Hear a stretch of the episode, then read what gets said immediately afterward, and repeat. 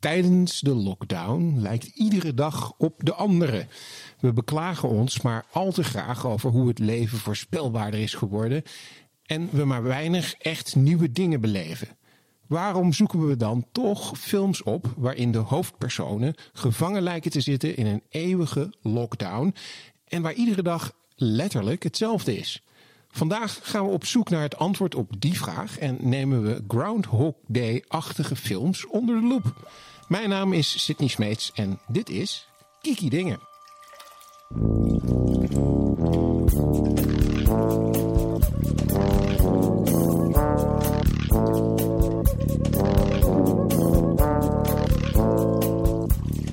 Mijn naam is Sonny Kemkes en als ik een dag opnieuw mocht beleven, ehm, vond ik lastig. Maar eh, ik moest meteen denken aan mijn vorige verjaardag die voor corona was.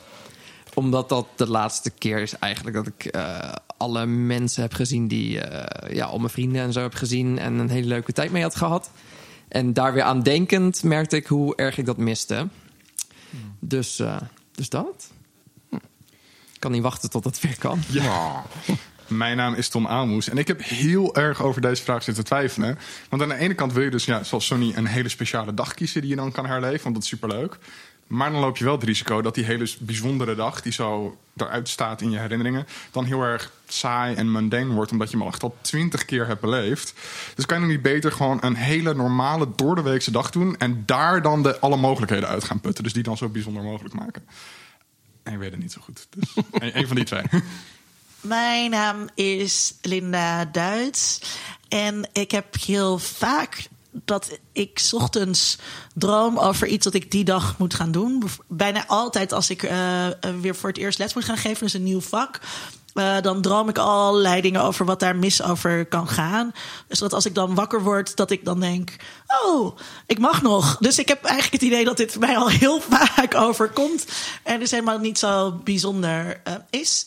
Ehm, dus dat.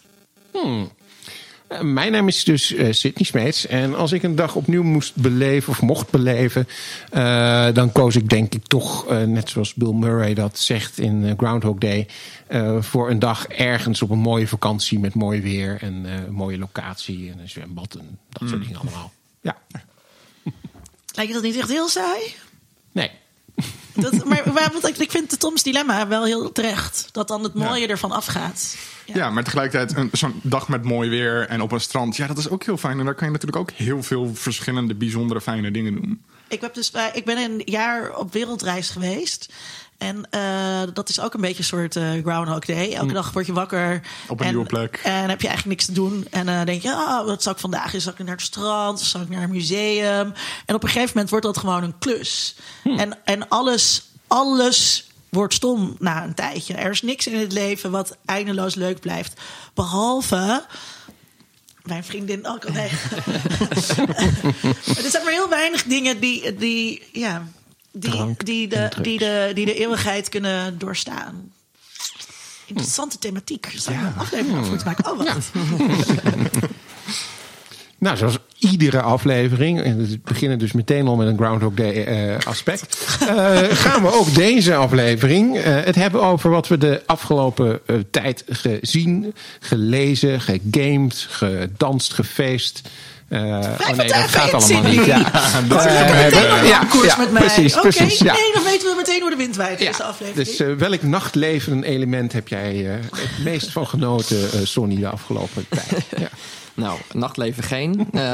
Maar ik heb wel, ik- nou, ik heb heel veel gekeken. Dus ik, eh, het was voor het eerst heel moeilijk wat ik uit moest kiezen.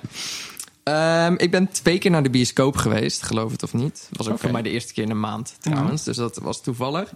Eh, Freaky, geregisseerd door Christopher Landon, bekend van Happy Death Day en Happy Death Day to You. Ja. Een meisje en een seriemoordenaar verwisselen van lichaam. Ja, heel erg Freaky Friday. Het is ook een soort remake van Freaky Friday, toch?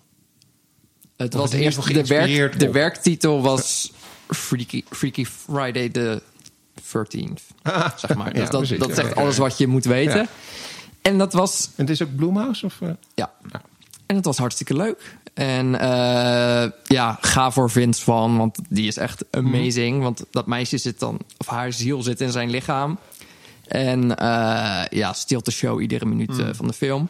De rest is best wel generic horror tropes en zo. Maar ja, de, zijn acteerprestatie tilt het naar een hoog niveau. Nice. Dus eh, die kan ik jullie zeker aanraden. Klinkt leuk. Blo- Blumhouse is een beetje hit or miss. eh, heb Ja, zeker. Dus ze hebben een paar hele leuke dingen gedaan, maar ze hebben ook echt een heleboel totale trash. Fantasy Island. Ja. Nou, Fantasy Island. was is- Fancy Island dat ik laatst gekeken.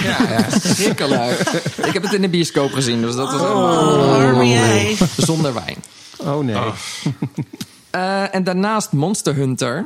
Eh, de nieuwe gameverfilming. En dat was ook een verrassing. Oh. Prima vermaak. Oh, en, ik eh, nee, ik ook niet. Eh, en je merkt wel, het verhaal is ja, heel dun. Het is 90 minuten en er zit 15 minuten te veel eigenlijk al in. Ja. Maar Mila Jovovich is, nou ja, slated zoals altijd. En eh, CGI was heel goed. Eh, ik had iets meer monsters en iets meer hunten op monsters gewild. Maar dat komt vast goed in het onvermijdelijke deel 2. Waar het Nice. eh, ja, een vrij gênante eh, aanloop naartoe neemt. Oké. Maar ja, zo gaat dat nou En, en die Mila. Jovovich die krijgt een soort sexy time met een kat of zo, zag ik. Dat was mijn favoriete, fil- favoriete moment van de film. Eh, kennelijk zit dat ook in het spel. Eh, er is een soort humanoid kattenras. En eh, eentje daarvan is de kok. En die gaf wat knipoogjes naar haar. En die zag er ook echt heel goed eh eh ge-CGI'd uit. En ik dacht, dit is wat Cats Cats. had moeten zijn. Precies. dus die was ook hartstikke leuk. Ook een aanrader. Nice. Dus jullie kunnen naar de bioscoop. Oké. Ik eh, heb eh, een nieuwe serie van Showtime gekeken. Of nieuw, hij is dit jaar uitgekomen. Eh, The Good Lord Bird. eh, met Ethan Hawke als eh, de hoofdrolspeler. Hawke. En als een van de schrijvers. Ehm, en het gaat over het leven van John Brown. Wat een witte eh, eh, abolitionist was. eh, halverwege de 19e eeuw in de Verenigde Staten. Ehm, diep, diep, diep religieuze man. Die echt vanuit zijn wezen geloofde dat God eh, slavernij haat. En dat voor de Verenigde Staten. Is ook zo. Is ook zo. En had een foutje gemaakt in de Bijbel. ja, eh, nee. eh, en dat, dat om, om alles eh, goed te maken in het land, dat eh slaveneigenaren, slavenhandelaren, iedereen die ook maar iets met slavernij te maken heeft, de kogel verdient. Ehm, En die kogel gaat hij zelf even langsbrengen. Ja. Eh, dus hij is echt een soort gekke slagtocht eh, door de, eh, de eh, American South heen gegaan, vlak voor de burgeroorlog. En ze proberen er een beetje een soort grappige serie van te maken. Die soort van wel doorheeft dat John Brown. Wat hij doet is wel goed, maar zijn methodes zijn nogal heftig en gestoord. En hij heeft ook dan nogal de neiging om. Eh, in, in soort van de meest waanzinnige preken los te barsten op het moment dat hij zijn justice gaat brengen. Een soort Ehm, eh, Quent- Quentin Tarantino. eh. ja, ja weet je Dexter, wel inderdaad. Ja. Ehm, en Ethan Hawke speelt dat fantastisch. Ethan Hawke speelt die John Brown en die speelt echt gewoon een zo'n hele timide, gelovige man. Totdat hij soort van een switch omgaat en hij met speeksel een soort van eh, vuur en verdoemenis eh, komt brengen en schreeuwen. En dat doet hij fantastisch. Maar die hele serie is soort opgehangen in een raamvertelling vanuit de persoon die een beetje buiten de actie staat en John Brown wel kende en wel wat tijd met hem doorbracht. En die narrate ook het hele gebeuren uit, aan, aan elkaar. En dat haalt er heel erg de vaart uit. En dat hele karakter, door wie je het verhaal bekijkt, is helemaal niet zo interessant. Dus dat maakt het eigenlijk, ondanks het super interessante acteerwerk van Ethan Hawke, het eh, leuke verhaal. En het is ook goed om dat waanzinnige verhaal op een wat humoristische manier te vertellen. Maar de manier waarop ze dat doen is dan toch een soort van jammer en maakt het uiteindelijk saai. Wat heel erg verbazend was voor me, omdat de hele setup dus heel interessant lijkt. Dus dat was stom. Geen Eh, aanrader. geen aanrader. Ik, ik heb de eerste aflevering gekeken en ben daarna gewoon gestopt. Omdat ik van, ja, ja, Oké. jammer. Ehm, en ik had ook nog... Oh ja, eh, nieuwe podcast van Fabio Oh. is uit. Ehm Gothrecht heet het. Oh, dat is van hem. Ja, ehm, en dat gaat over een goth die een niet nader benoemde functie op een middelgroot kantoor in een middelgroot Een stadsdorp. goth- als in een gothic person. Ja, ehm, en die, Dat is Georgina. ja, en dat is Georgina. Georgina Verbaan. Ehm. En eh, zij is op een kantoor en zij vindt een meisje op dat kantoor leuk. En dan wil ze een kopje koffie voor dat meisje halen om haar te gaan versieren. Maar shock, het speciale Japanse koffiezetapparaat dat zij daar eh, op dat kantoor heeft neergezet, is verdwenen.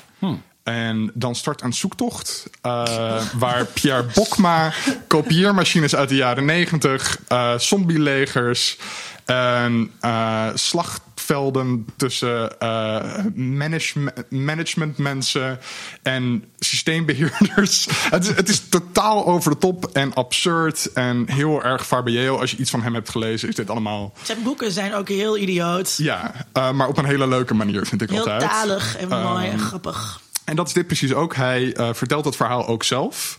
Uh, dus dat maakt ook dat soort van zijn lompe, droge manier van vertellen daar heel erg dik in zit. En het is ook nog een halve musical. Ook. Um, dus het is allemaal heel bizar en nieuw. En het Wat speelt heel erg het? met die vorm. En voor mij werkt het. Ik vind het hartstikke leuk. Het is super grappig. Uh, en absurd. En je weet niet wat er gaat gebeuren, want niks is logisch. Um, nee, het is echt heel tof. Uh, echt een aanrader. Leuk. Ik, uh, hij zei laatst wat terug tegen me op Twitter. Dus Oh. onze bruiloft is weer een stapje dichter, Ah, dichterbij gekomen. Dat, um, ja... Ik Hij heb koopt het vis op mijn werk, dus misschien kan ik je introduceren. nou, Ik heb wel eens, uh, ik heb wel eens tegen hem gezegd... Uh, Dat je met een wilde vrouw. ja, oh. Ja, dat is echt al duizend jaar geleden in Paradiso. En toen had ze gespeeld. En toen zag ik hem daarna op de dansvloer. En toen zei ik... Hé, hey, Pepijn, ik vind je geweldig. Ik wil met je trouwen. Toen ben ik heel hard weggerend. Oh, wat leuk. ja, maar hij weet het dus wel. En hij heeft, Ja, en, dat, en hij heeft, dat heeft hij onthouden. natuurlijk. Ja. en hij heeft, hij heeft eens een keer gezegd... ehm, eh, eh, dat eh, de aflevering... eh, dat ging over de aflevering van Damn Honey met mij en... ehm, eh, hoe heet ze? Uh, Jennifer uh, Lyon Bell over porno van um, Damn Honey, de podcast. Dat dat uh, sinds die aflevering zijn lievelingspodcast is. Dat- toen dus ik hij- helemaal- weet wie je bent. Ja, ja, precies. ja, dat is, uh, Kan niet anders, Je kan niet toch? zeggen dat dit eenzijdig is of zo. Maar het is ook geen toeval, toch? Nee. Nee, nee, dus uh, Pepijn, als je luistert. Georgina, als je nog een introductie wil eh, organiseren. Wat? Georgina Verbaan. Verbaan. Ik heb toch geen introductie nodig? Ik Oh nee, oh, je kent hem al. Ja, precies. Maar ja. Een beetje raar niet. eh, ja. Nou, Ehm, ik heb eh, twee dingen gekeken die ehm, Lars, eh, LRS, vriend van de show, had aangeraden eh, aan mij op Twitter. Ehm, ik moet vaker naar Lars luisteren, dat doe ik te weinig. Groetjes aan Lars. De eerste is The Undoing. Eh, een klassiek moordverhaal eigenlijk dat zich afspeelt eh, bij de filthy, onder de Filthy Rich Um, in New York. Um, het is dus echt uh, een beetje ja, wealth porno, zei iemand. Grote huizen, mooie kleren, allemaal dat soort dingen. Het Het is ook gaat echt wel HBO zijn ding nu met Succession. En dit zit ik wel van, jullie hebben wel een soort... niche Op, gevonden. in een niche gevonden dat heel erg werkt. Ze hebben wel het geld ook uit de kasten Ja. getrokken. Uh, het gaat heel erg over klasse, over sociaal kapitaal. Dat zijn favoriete onderwerpen uh, van mij. Um, het is met uh, Nicole Kidman en Hugh Grant. Uh, zij spelen een stel. En, uh, het, Donald Sutherland. En Donald, Donald Sutherland speelt haar vader. Maar ja, ja, ik heb vooral heel gefascineerd zitten kijken naar Nicole, Kidman, Nicole Kidman's gezicht. Ja. En je, hebt robots die minder uncanny zijn. Het is net alsof ze een soort porseleinen masker voor heeft. En dat je echt zit te kijken van... Wat, wat, waar zit ik nou naar te kijken? Terwijl Hugh Grant is gewoon oud geworden. Dus die heeft al die groeven in zijn gezicht. hoe? En die is nog steeds, maar die is nog steeds heel knap en Ja. charmant en al die dingen. En nou ja, dan kan je zeggen dat het on- oneerlijk is, zeg maar, dat vrouwen niet ouder mogen worden. Maar zij heeft zichzelf ook de kans ontnomen om mooi oud te worden. En ik dus was een prachtige vrouw. Maar vond je niet dat het een, eh, ook een zekere payoff... eh, dat, dat die emotieloze of maskerachtige eh, uitstraling die ze heeft in die serie... Dat onleesbare. dat ja. onleesbare. In, het, in de laatste aflevering, ik ga niet spoilen wat dat is, denk ik. Maar in de laatste aflevering geeft dat wel een bepaalde payoff. Dat je, dat je haar ik niet vind kunt het heel lezen. raar. Want, Ja. Nee, want het is heel gek, want, want je hoort er gewoon niet zo uit te zien. Oké. Dat is gewoon, dus, dat is, dus ik had zat de hele tijd te kijken: is dit een alien? Is het een robot? Dus ik was heel erg daardoor afgeleid. Plastic surgery shaming. Nee, het is geen plastic surgery shaming. Nee, maar het is wel gewoon een ding dat, dat sommige me- vrouwen die eh, dingen hebben laten doen. Eh, ik noem een, eh eh, eh, hoe heet ze, van Bridget Jones. Ehm René Zellweger? Renee Zellweger. Ja. Eh, en als het er dan niet heel goed uitziet, dan heb je gewoon geen carrière een paar jaar. En dan eh, trekt het een beetje bij en dan mag je weer terugkomen. Ja, en ja, dat is dat. Maar niemand heeft dat tegen Nicole gezegd. Nee, en het, en het contrast is dus zo groot. En, eh, dus ik vond dat heel zielig voor haar. Ehm, uiteindelijk vond ik dat het allemaal iets beter uitgewerkt had kunnen worden. De karakters, hun onderlinge verhoudingen. Ehm, maar het is toch wel eh, een kijktip. Ehm, verder, tweede kijktip van eh, Lars, ehm, The Third Day. Eh, een serie met Jude Law. Is die eh, hij is knap. en hij is, Ja, ook, hij is ook mooi. Hij Ik zei ook, gisteren nog tegen iemand, sinds de haarlijn terugtrekt, eh, wordt hij alleen nog maar als villain gecast. hij, is, maar hij is ook mooi oud geworden. Dat, ehm, Vind ik wel, maar ja. ik maak de casting Dat, ehm, het gaat eh, over eh, Jude Law. Dit is geen spoiler. Jude Law heeft zijn, zijn zoontje verloren. Die is vermoord. Ehm, dat is een beetje de backstory. En hij komt eh, terecht op een heel mysterieus eiland. Waar je alleen maar ehm, eh, als het, wat is het, app is met zo'n. Met zo'n auto kan je dan over een toerweggetje daar naartoe rijden. Want dat is dan boven water. Net als bij vroeger bij Mont Saint-Michel. Hoe noem je dat? Ehm, ja. Dat. ja. ja, dat. En, eh, en het is heel weinig app, blijkbaar. Dus het is lastig om weer van dat eiland af te komen. En daar gebeuren allemaal rare dingen. En ik had er heel erg eh midsummer vibes eh, bij. Ik heb hem nog niet helemaal afgekeken. Eh, maar het wordt gekker en gekker en gekker en gekker. Ja, eh, ook wel een aanrader. Maar je moet wel heel erg opletten. Dus het is niet iets wat je erbij kijkt. Terwijl zeg maar dat eh die undoing... dan kan je ook ondertussen eh, wel Twitter kijken... want je weet wel een beetje welke kant op gaat. Terwijl hier moet je wel echt de hele tijd opletten... wat er nou ehm, ehm, gaande is. Ik heb gekeken naar eh, Raised by Wolves. Ehm, dat was al een tijdje, stond het op mijn lijstje, maar daar was nog niet eerder aan toegekomen. Een serie geproduceerd eh, door Ridley Scott. Eh, dat zie je er ook wel aan af, want het heeft qua gevoel heel erg eh, Alien, maar dan vooral de Prometheus Covenant production feel zit er heel erg in. De muziek lijkt ook een beetje op, op die, op die films. Dus thematisch is het ook heel erg weer datzelfde hoekje, toch? Klopt, ja. ja je, het- je, je zit eigenlijk tijdens de, de serie af en toe te denken van... is er nou een connectie met Prometheus en eh, eh, Covenant? Omdat er zoveel dingen in zitten die gewoon... nou ja, bij die franchise zouden kunnen passen. Maar ook weer niet helemaal, want eh, in tegenstelling tot bij die films... waarbij, eh, nou ja... het voornamelijk over Wayland Yutani gaat en over dat ze op zoek gaan naar die aliens. gaat het er hier over dat er op aarde een oorlog uitbreekt tussen eigenlijk twee facties. Eh, dat zijn eh, nou, het is een religieuze factie die een oude Romeinse godheid Mithras aanbidden. En daar ook nou ja, de mythologie een beetje omheen vasthouden. En atheïsten, dat is de andere partij. En eh, die raken met elkaar in oorlog en ontwikkelen robots die eh, ja, kunnen vliegen en kunnen mensen doodmaken. Daar komt het eigenlijk op neer. En omdat tijdens die oorlog, door die oorlog, de aarde nou ja, zo goed als vernietigd raakt, eh, moeten ze op zoek naar een, een planeet waar ze opnieuw het ras, het menselijke ras kunnen gaan stichten. Ehm, en dat doen ze met behulp van een ark. Dus er zitten allemaal hele eh, nogal obvious eh, mythe- religieuze dingen eh, in. Ehm, Klinkt echt heel slecht, dit allemaal. Ik vind het wel leuk klinken, ja, maar juist omdat je zegt dat het niet een directe link heeft met Alien en dergelijke, dan ben ik wel geïnteresseerd. Ja. Want als het wel zo was, nee, heeft het niet. Dan was het ik ben, nog ik, ben erger klaar met, ik ben klaar met al die. Nee, nee, oh, heeft- maar dit heeft wel daarmee te maken. Nee, het heeft er niks mee te meer. maken uiteindelijk. Ehm, die religieuze secte die ontwikkelt die ark, dat, die, die dan dus naar een andere planeet kan reizen. En dat gaat er ongeveer 15 jaar of zo over doen om daar te komen. Ehm, en die atheïsten, ja, die hebben die te- technologie niet, dus die kunnen dat niet doen. Maar er is natuurlijk toch één atheïst die dat eh, voor elkaar weet te krijgen met eh, twee robots. Eh, en omdat die robots geen zuurstof eten, weet ik veel wat allemaal nodig hebben, kunnen ze in een bepaald schip reizen wat veel sneller gaat. En wat dus eerder aankomt op die planeet. En eh, What could possibly go wrong? nou ja, zij komen dus eerder aan op die planeet. Ze hebben een aantal foetussen bij zich. Die eh, ontwikkelen zich tot kinderen.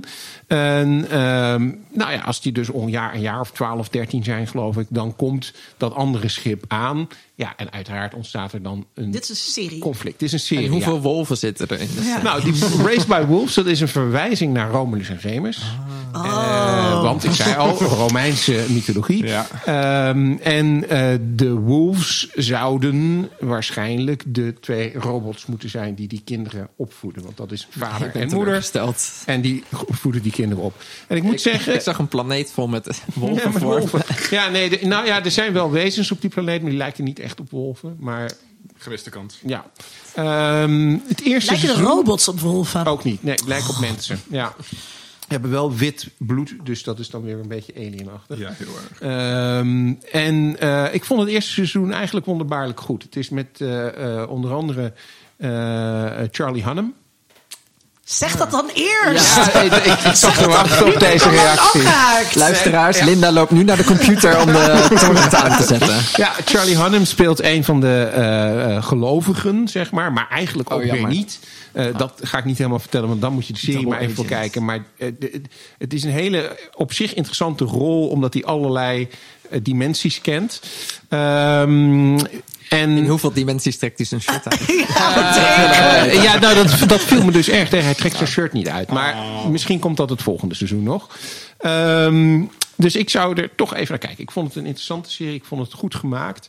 En je hebt ook echt het idee van... oké, ik wil nu ook wel het tweede seizoen zien. Want hier, hier zit nog meer verhaal in. Dit is nog, er is nog echt wel wat te vertellen. Verhaal. Ja, Ja, als ja we, en, en, en naakte Charlie Hunnams. als we Dus, eh, Charlie Annam hebben in plaats van wolven, dan ben ik toch wel, eh, toch wel over. toch, hè? En misschien komen er nog wolven waarmee Charlie Hunnam dan, dan half naakt gaat vechten. Dat lijkt mij lijkt me wel. echt een hele goede Ja. scène. Ik zie nu Twilight voor me. Maar ik moet zeggen, hij speelt goed. Eh, hij doet het echt wel goed. Hij, hij, hij trekt die serie wel een beetje om. Maar Charlie. Hunnam, ik Dat bedoel... is helemaal geen goede acteur. Nee. nou, Nee, maar dit- Sons of Anarchy... Juist. Maar dat, dat, Exact. dan inderdaad, als je dus heel veel ruimte hebt eh, om te acteren, dan Ja, maar hij kan, hij kan, Kan- hij kan, kan die vind iets ik, bouwen? tenminste dat vond ik in Sons of Anarchy ook.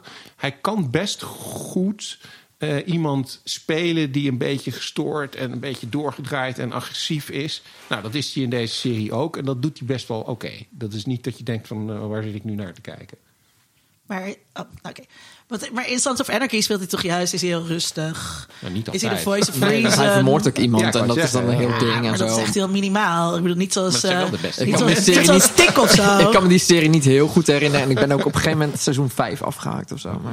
Dat, het, het, het- ik heb, laatst heb ik heel veel weer herkeken eh, met mijn best vriendinnetje. En dan deden we alleen maar, zeg maar... Oké, zou je hem doen als je het daarna met Charlie Hunnam mag doen? En dan met al die hele lelijke motorrijders, weet je wel. Zou je hem doen? Oh, Ja, waarom niet? oké, Ja. ja, het is wel Charlie Hunnam, weet je wel. Ja.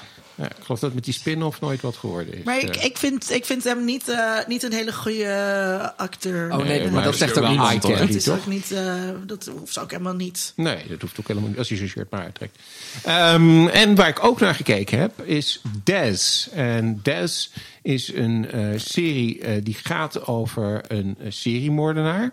Ehm, een echt bestaande seriemoordenaar, eh, Dennis Nielsen. Die in de jaren tachtig in eh, Londen actief was. En eh, daar is een boek over geschreven. Dat heet Killing for Company. Eh, Brian Masters heeft dat geschreven. En die... Uh, eigenlijk gaat die serie gaat gedeeltelijk over Dennis Nielsen en over nou ja, uh, de moorden die hij heeft gepleegd. Het begint eigenlijk net zoals het boek op het moment dat hij gearresteerd wordt. Uh, dat, is, dat is min of meer toevallig dat dat gebeurt. Of ja, toevallig. Nou ja, daar kun je nog over twisten of het helemaal toevallig is. Maar uh, wat er gebeurt is, hij woont in een appartement. Uh, de, de, de afvoer van zijn appartement raakt verstopt. Hij begint daarover te klagen. Er komt iemand kijken wat er nou aan de hand is. En hoe komt dat nou? Ja, uh, als je allemaal lichaamsdelen van mensen door het toilet spoelt... dan gaat het op een gegeven moment fout. Oh, en dat zo klinkt, dat wordt hij, bekend, ja. ja. zo wordt hij dus uh, opgespoord, aangehouden. Maar de politie wist dus eigenlijk helemaal niks. Nou, ja, daarom is het dus even de vraag... is dat nou toevallig? Of zit er misschien een soort drang achter om wel gepakt te willen worden? Ehm, en wat dus ook wel heel interessant is, is dat de politie hem dus helemaal niet op het spoor was. En al die vermiste eh, jongens, het zijn allemaal Is dat opvallend? niet per se. Serie, bij seriemoordenaars komt dat vaker voor. Maar ehm, eh, al, al die jongens, die, want hij, heeft, hij was een, een, een eh, seriemoordenaar die alleen maar homoseksuele jongens en mannen eh, vermoordde. Ehm, ja, die zijn, daar, daar is dus nooit in het onderzoek van de politie naar de vermissing van die jongens iemand op het spoor van hem gekomen. Totdat ze er achter kwamen door die ja, verstopte afvoer. Ehm, en deels gaat het dus over hem.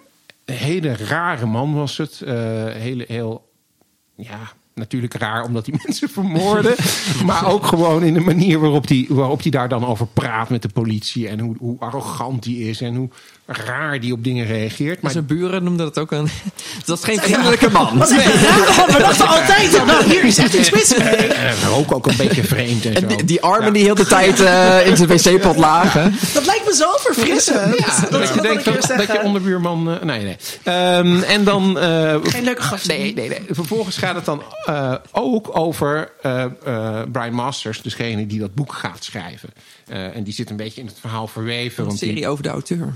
Nou, ja, nou, ja hij, hij speelt echt wel een, een, een, een bijrol in dit verhaal. Maar eh, ik vond het al met al eh, goed. Het is maar vier afleveringen, dus je bent er zo doorheen. Er zit ook nog wel wat maatscha- maatschappijkritisch blik op de jaren tachtig in, in, in Engeland. En de, eh, ja, de, de situatie in Londen op dat moment. Eh, veel dak, dak- en thuislozen, veel verwaarlozingen, veel arme, eh, arme mensen. En heel veel speed. Ja, ook. Eh, en, en daardoor een, een, een eh, omgeving waarin hij dus makkelijker dit soort dingen kon doen zonder dat het al te veel opviel. Ehm, en eh, ja, gewoon goed gemaakt. Dus Des. Then put your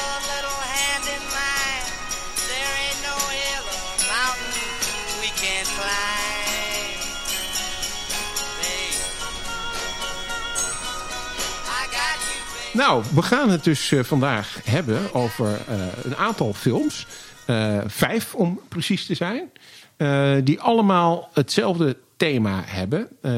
Je zou bijna kunnen zeggen dat iedere keer als je zo'n film opzet... je een soort déjà vu ervaring hebt. Ehm, en dat is allemaal naar aanleiding van de moeder aller eh, ehm, ja, herhalingsfilms Groundhog Day.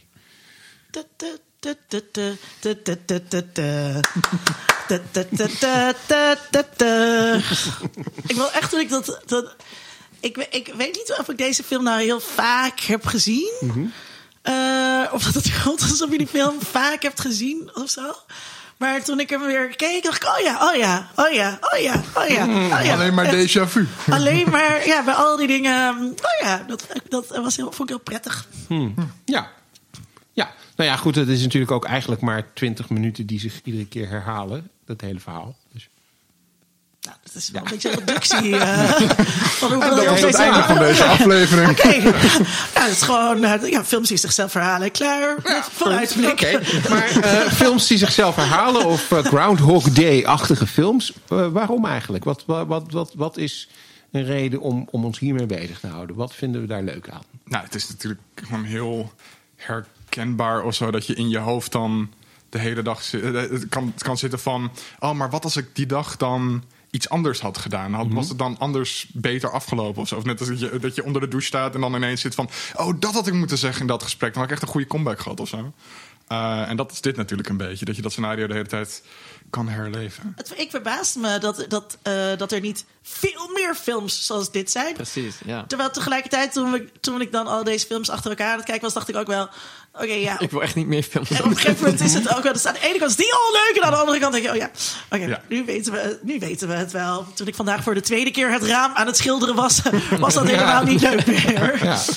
Ehm, maar er zit, er zit iets heel verhaaltechnisch of zo. Lijkt het heel veel creatieve ruimte eh, te bieden. Eh, dat, dat denk ik. Maar het kwam toch door jou? Jij had toch. Hoezo hadden we dit bedacht? Wiens schuld was het Dat eigenlijk? we, dit, dat we dit thema gingen doen. Ehm, misschien dat ik dat gezegd heb omdat ik nog nooit Groundhog Day had gekeken Kijk. hiervoor. Dus dat ik zei van, ah, misschien Ja, moeten we daar een iemand, keertje had iets over iemand doen. niet Happy Death Day gekeken. En Happy dat Death Day hebben we al eens eerder besproken. Klopt. Oh, dat we misschien toen- dat we toen ja. ook al gezegd hebben, misschien moeten we Maar dit dat, en dat keer- iemand zei, dat is een Groundhog-achtige film. Ja. En dat we toen zeiden... Oh, Oh nee, Palm. Springs. Ik heb Palm Springs Oh, dat gekeken. en toen het. zei ik inderdaad, dat is een ding. Misschien is dat leuk om... Ja. Wel mijn schuld, je had gelijk. Ja, Sorry luisteraar. Ja. Maar ik vond het helemaal niet vervelend. Dat, dat, dat dit moest. Ik vond dit, niet, ik vond dit geen vervelend huiswerk. Nee. Nee. Nee, en het is, in, eh, het is In inderdaad... tegenstelling tot die fucking kut Princess Bride. Oh. Steeds niet overheen. Nee, nee, nee. Ehm, maar het is inderdaad wel. eh, de- de- we hebben er nu vijf uitgekozen. We hadden er veel meer kunnen kiezen, want er zijn wel meer films. En, en, en zeker ook als we nog series erbij hadden gedaan, nou, dan waren we helemaal eh, eh, lang bezig geweest. Want er zijn ook eh, series die dat. Maar zoveel Is dan? dat zo? Want ik kan daar ook niet echt hele goede bedenken. In ieder geval die ik zo... Russian Doll. Maar alleen, Ja, ik maar- alleen ja, maar dat is Russian Doll dat is bedenken. Nou ja, en heel veel series hebben een aflevering. Bijvoorbeeld eh, eh, de Star Trek series hebben bijvoorbeeld bij eh, The Next Generation heb je een aflevering waar ze de hele tijd in een time loop Ja, terechtkomen. ik heb daar, maar daar heb ik ook wel eens over. Volgens mij heb ik dat wel eens in deze podcast gezegd. Dat het raar is dat ze op de Starfleet Academy niet trainen op het leren herkennen van een loop. Weet je wel? Ja, dat is, dit gebeurt nu zo vaak. Dat is zo vaak vastgelegd in Ja. de logs ook. Maar bij series, eh, want Russian Doll is eigenlijk de enige die ik echt kan bedenken waarin zij dat. Terwijl je zou denken, dit concept nodigt heel erg uit tot, tot een serie. Terwijl tegelijkertijd denk dan ook. Nee, op een gegeven moment ben je er ook best wel snel klaar Ja. eh, mee. het moet eindig zijn. Wat jij zegt, het geeft heel veel creatieve ruimte. Maar je zit wel meteen in een hoekje ook weer vast. Zeg maar binnen dat format wat je hebt gekozen. Het is Groundhog Day een, doet eh, het ook wel allemaal. Of Ja. Groundhog Day eh, legt wel de basis neer van dit is, dit is hoe is je hoe dit je dit doet. doet. Ja. Ja. Maar Nou. het is ook best wel een, een soort heel nauw genre. Want het, het idee is merendeel van de tijd... eh, de andere films doen dat natuurlijk ook, maar heel, heel specifiek. Het hoofdkarakter, er mist iets in zijn karakter dat hij moet veranderen en een beter persoon moet worden. En dan kan hij uit de loop komen. Dat is in al die films het geval. Dat is soms Dus een is- technische oplossing. Ja, dat vind ik daar ook wel van af toen altijd. Maar ehm, dus, dus het, het is heel simpel. Het is gewoon, oké, er is iets mis met dit karakter. Het karakter moet dat ding oplossen. Tada, je bent uit de loop. Maar dat is eigenlijk gewoon drama. Ja, maar dat is drama 101, überhaupt. toch? Alleen ehm, in, die, in de loop is het natuurlijk altijd heel specifiek dat het duidelijk is. Je bent een lul en je moet geen lul zijn en dan lukt het. Mhm. Ehm, ja, Maar ik, ik, ik, ik, ik, ik, eh, dacht, wat voor genre is dat nou, die Groundhog Day? Wat voor... Wat voor en, het, en het is heel genre-defying. Ehm, en dus misschien is het een eigen op zichzelf staand genre. ja. Namelijk een Groundhog Day-achtige films. Films, ja, nou, dat hebben wij uitgevonden, dus dat is het dan nu ook. Eh, ja, ik, nou ja, ik, ik googelde op Groundhog Day-achtige films. En, eh, en toen was ik niet de eerste die. Toen kwamen er- Ah, toen kwamen er zeer geschikte Google-resultaten eh, uit. Dus Volgens mij is dat ook een Wikipedia-pagina Van ook Day-achtige film? ja, ehm, films als Groundhog Day. Volgens ja, mij. ik had er Of eentje gevonden met de films met een loop. Oh ja, ja. oké. Dat, dat, eh, maar ook dus in, eh, eh, aan het einde van ehm, Happy Death Day eh, zegt hij ja. ook, refereert hij ook Klopt, aan ja. eh, Groundhog Day. Van, heb je die film nog nooit gezien? Dat vond ik heel lui. Dat, dat, ik Ja. heel erg ik zat ook zo van, ja, ik, ik, ik, Eh, zat, ik zat er tussenin, denk ik van. eh jee, maar het is ook het allermakkelijkste wat je op dit moment kan zeggen. Ja. Maar het is zo'n aansprekend. En daar is ook de titel van Groundhog Day is ook perfect. Dat Mhm. het dus om een dag gaat en dat het ook zo'n debiele dag is. Weet je wel, een soort tweede Pinksterdag, maar dan in Zaltbommel. Wat alleen Satani. Zaltbommel... ge- Ja, pak ze- godver, dat je daar ook... En, en daar is natuurlijk ook elke dag hetzelfde. Ik bedoel, voor iemand die uit de stad komt, is dat al de horror om daar opgesloten te zitten, laat staan elke dag daar toe te zijn. Maar dat het dus, omdat het daar zo, het maakt het zo makkelijk eh, om er naar te verwijzen, zeg maar. Dus ehm, ja, als, als iemand tegen je zegt: It's Groundhog Day, dan weet je meteen wat het is. Ja. En dat had niet gekund als het Tweede Pinksterdag was geweest. of zo. Het is ook dat die Groundhog. Ja, er zit iets in die titel. Met dat gronde ook, dat gegronde of zo. Ja, maar dat toont aan gewoon hoe eh, eh, cultureel, wat voor, wat voor cultureel ding die film gewoon is. Want Precies. ik, nou ja, eh, bijna iedereen die ik ken die, die meer dan een paar films eh, per jaar kijkt, die, die weet wat het is, denk ik. En ook, ja, en ook, ook eh, mensen die heel jong zijn, die weten Ja. dit ook. Je, Iedereen, je hoeft het niet Dat- gezien te hebben om precies. te, precies Ja. te snappen waar Groundhog Day over gaat. Ja, precies. Zoals jij, Tom. Nou, het werd natuurlijk ook, je zag dat ook eh, onlangs hè, met de Amerikaanse verkiezingen, die zo ellenlang uitgerekt werden op CNN. Dat iedereen inderdaad heel erg met Groundhog Day referenties bezig was. Omdat iedere keer kwam er weer zo'nzelfde. eh Breaking praatje, election update. Precies, waarvan je denkt van nou, dit heb ik volgens mij vijf minuten geleden ook al gezien. En, Ja. Maar ook aan het begin, al bij de eerste Ja. lockdown, had iedereen het meteen al over Groundhog Day. Omdat het Ja. eh, voor, voor veel mensen ehm, er, er geen verschil meer is tussen de door de weekse dag en een Mhm. weekenddag. omdat iedereen de hele tijd thuis is. Eh, dat iedereen het daar de hele tijd over had. Ik Ja. herken dat niet zo, maar... En eh, ge- eh, genre-defying. Ehm, ik vond Groundhog Day, de film zelf, ook wel iets van een kerstfilm hebben. Ja, het Maar is eigenlijk wel een door, kerstfilm. Dat komt er omdat hij, ja, omdat, omdat je en Bill Murray de Scrooge-connectie Mhm, ja, hebt, ja. automatisch denk ik. En omdat hij zijn leven moet beteren. Ja. En dat is altijd Ze kusten in de kerstig. Sneeuw. En in de En er, het is, sneeuw en er ja. is inderdaad sneeuw, maar eh, het gaat over. Het is ergens in. In eh, eh, januari, geloof ik, of februari. ja, dat. ehm, eh, ik vond dat, dat, dat Bill Murray. ja, hij heeft er zoveel lol in. Dat zie je gewoon. Dat is. eh, hij is die film. En, en hij. Ja, dat, dat, en dat, ik heb dit wel vaker gezegd. Als makers er plezier in hebben of als acteurs het leuk vinden. Zie Eurovision. Eurovision Oh, ja, ja. eh, eh, de, de Story of Fire saga. Ehm, dan, dat, dat maakt het leuk. En dat is hierbij echt. Je ziet gewoon hoeveel plezier hij heeft. En dat hij eerst knorrig is. En daarna al die andere dingen. En dat maakt deze film gewoon zo leuk. En dat vond ik trouwens ook bij Palm Springs. eh, met Adam Sandberg. Die, die daar eh, de persoon... Oh, duidelijk. Moeten we Die nog is ook een soort manboy. moeten we misschien nog even voor de luisteraar... eh, Misschien is het handig om even een soort... eh, kort, korte overzicht eh, te geven van welke films we het over hebben. Dat is misschien even compact bij elkaar. Jij bent de Ja, presentator. dat, eh, dat ga ik gewoon doen. Eh, want we hebben dus gekeken naar Groundhog Day, Edge of Tomorrow, Happy Death Day, See You Yesterday en Palm Springs. Dus dan weet je even eh, waar we het voornamelijk over gaan, eh, gaan hebben. Ik heb eh, die stomme Tom Cruise film afgezet. nou, echt zo- die, eh, superleuk. Ik kan het Ik zeggen, kan dat Tom is best wel Cruise een hele echt goede. niet. Het was mijn vierde keer dat ik hem... Ik wou het zeggen, ik heb kan hem ik, ook ik wel kan meermaals gast gezien. niet uitstaan. En dan begint het met zo'n montage... wat gewoon luiheid is over aliens zijn de wereld opgekomen. Maar dan zie je van die nieuwsbeelden. Boring. Nou, En had dan- je hem al eerder gezien, of niet? Had je hem eerder al een keer gezien? Eh, Nee. Nou ja, Nee, ik had nee, maar en ik dacht echt, dit ga ik mezelf niet aandoen. Ik heb betere Ja, dingen met mijn leven te doen. toch wel jammer, een van de betere van, eh, de Luke films. Niet uit, maar dat jullie dat weten. Nou, dat dat kwam eh, een beetje door Tom Cruise, maar ook vooral door Emily Blunt. Ja. Bij mij. Ja. Maar ik, dat is mijn favoriete ding uit deze film, is de montages. Eigenlijk. Zeker het trainingsmontage. Ja, ja, ja, en ja. eh, hetzelfde moment, maar dan net anders doen, montage. Ja, ook gewoon de hele tijd dat Tom Cruise als een loser elke keer neergeslagen wordt. Dat vind ik heel erg satisfying om te zien. Dat, dat zeker. Klopt. Hij, hij, ja. En hij kan alleen beter worden dankzij Emily Blunt. Ja. Ja.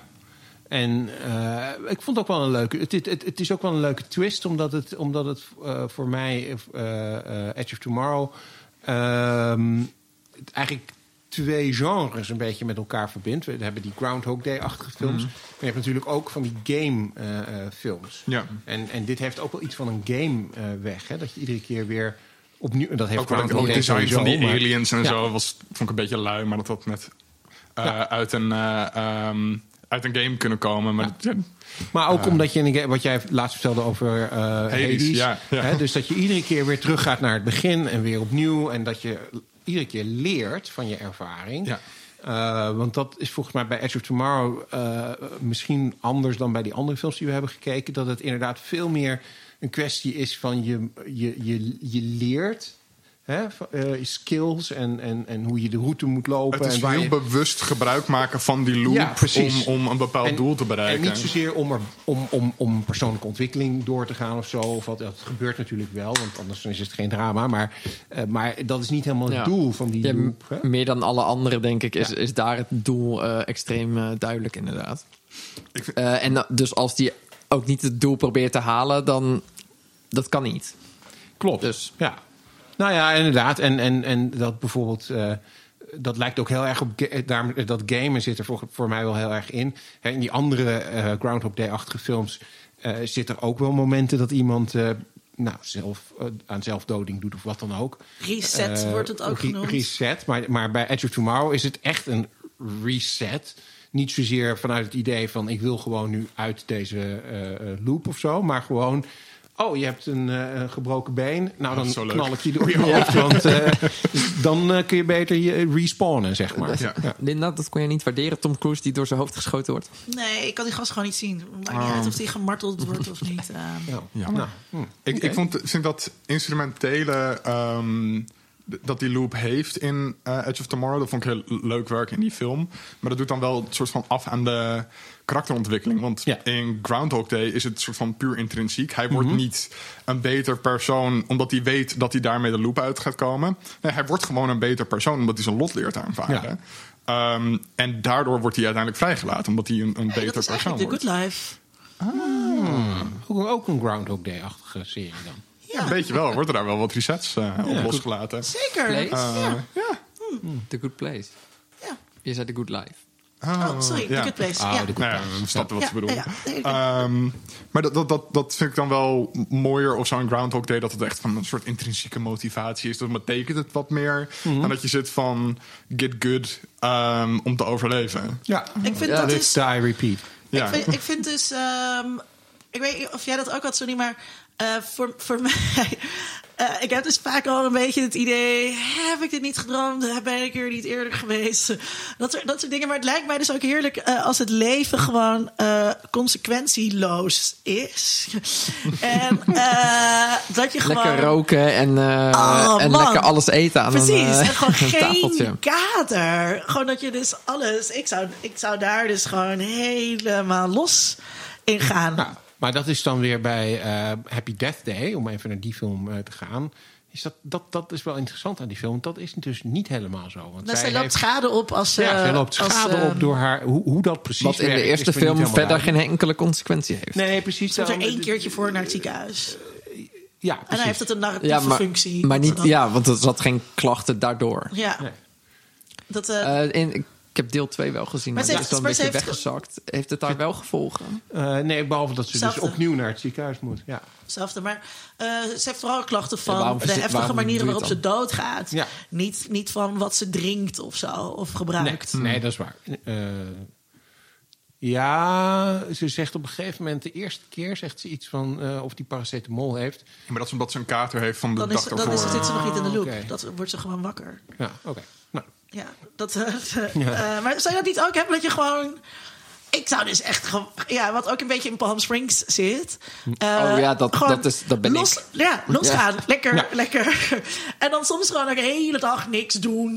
En Mm. dan weer een hele dag alcohol drinken of andere dingen doen.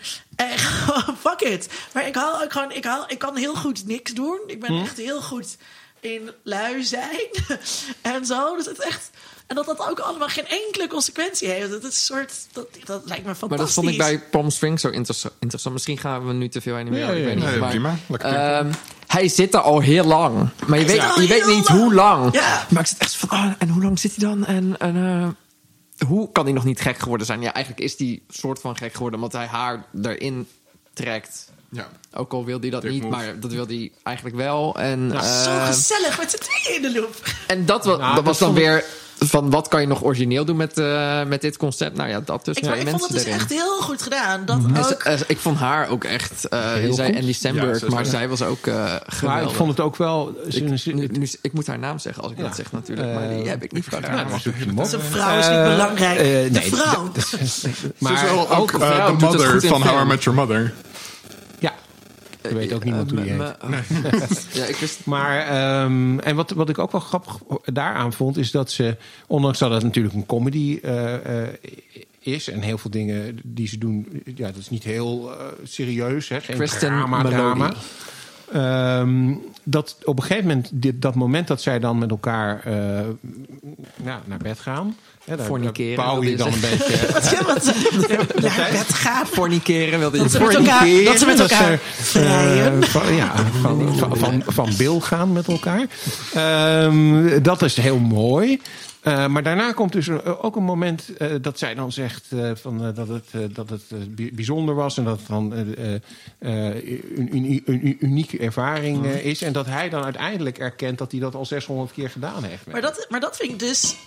kijk, sowieso eh, roept het idee van zo'n loop allerlei interessante, eh, hypothetische dilemma's Ja, eh, op. ik, ik had die- opgeschreven, is het ethisch om, eh, net als Tom Cruise, dan met Emily Blunt te gaan daten, zeg maar, terwijl je al die informatie over haar hebt. Precies. Ja, en, dat, en dat vond ik dus bij Palm Springs. eh, ik vond het heel terecht dat zij.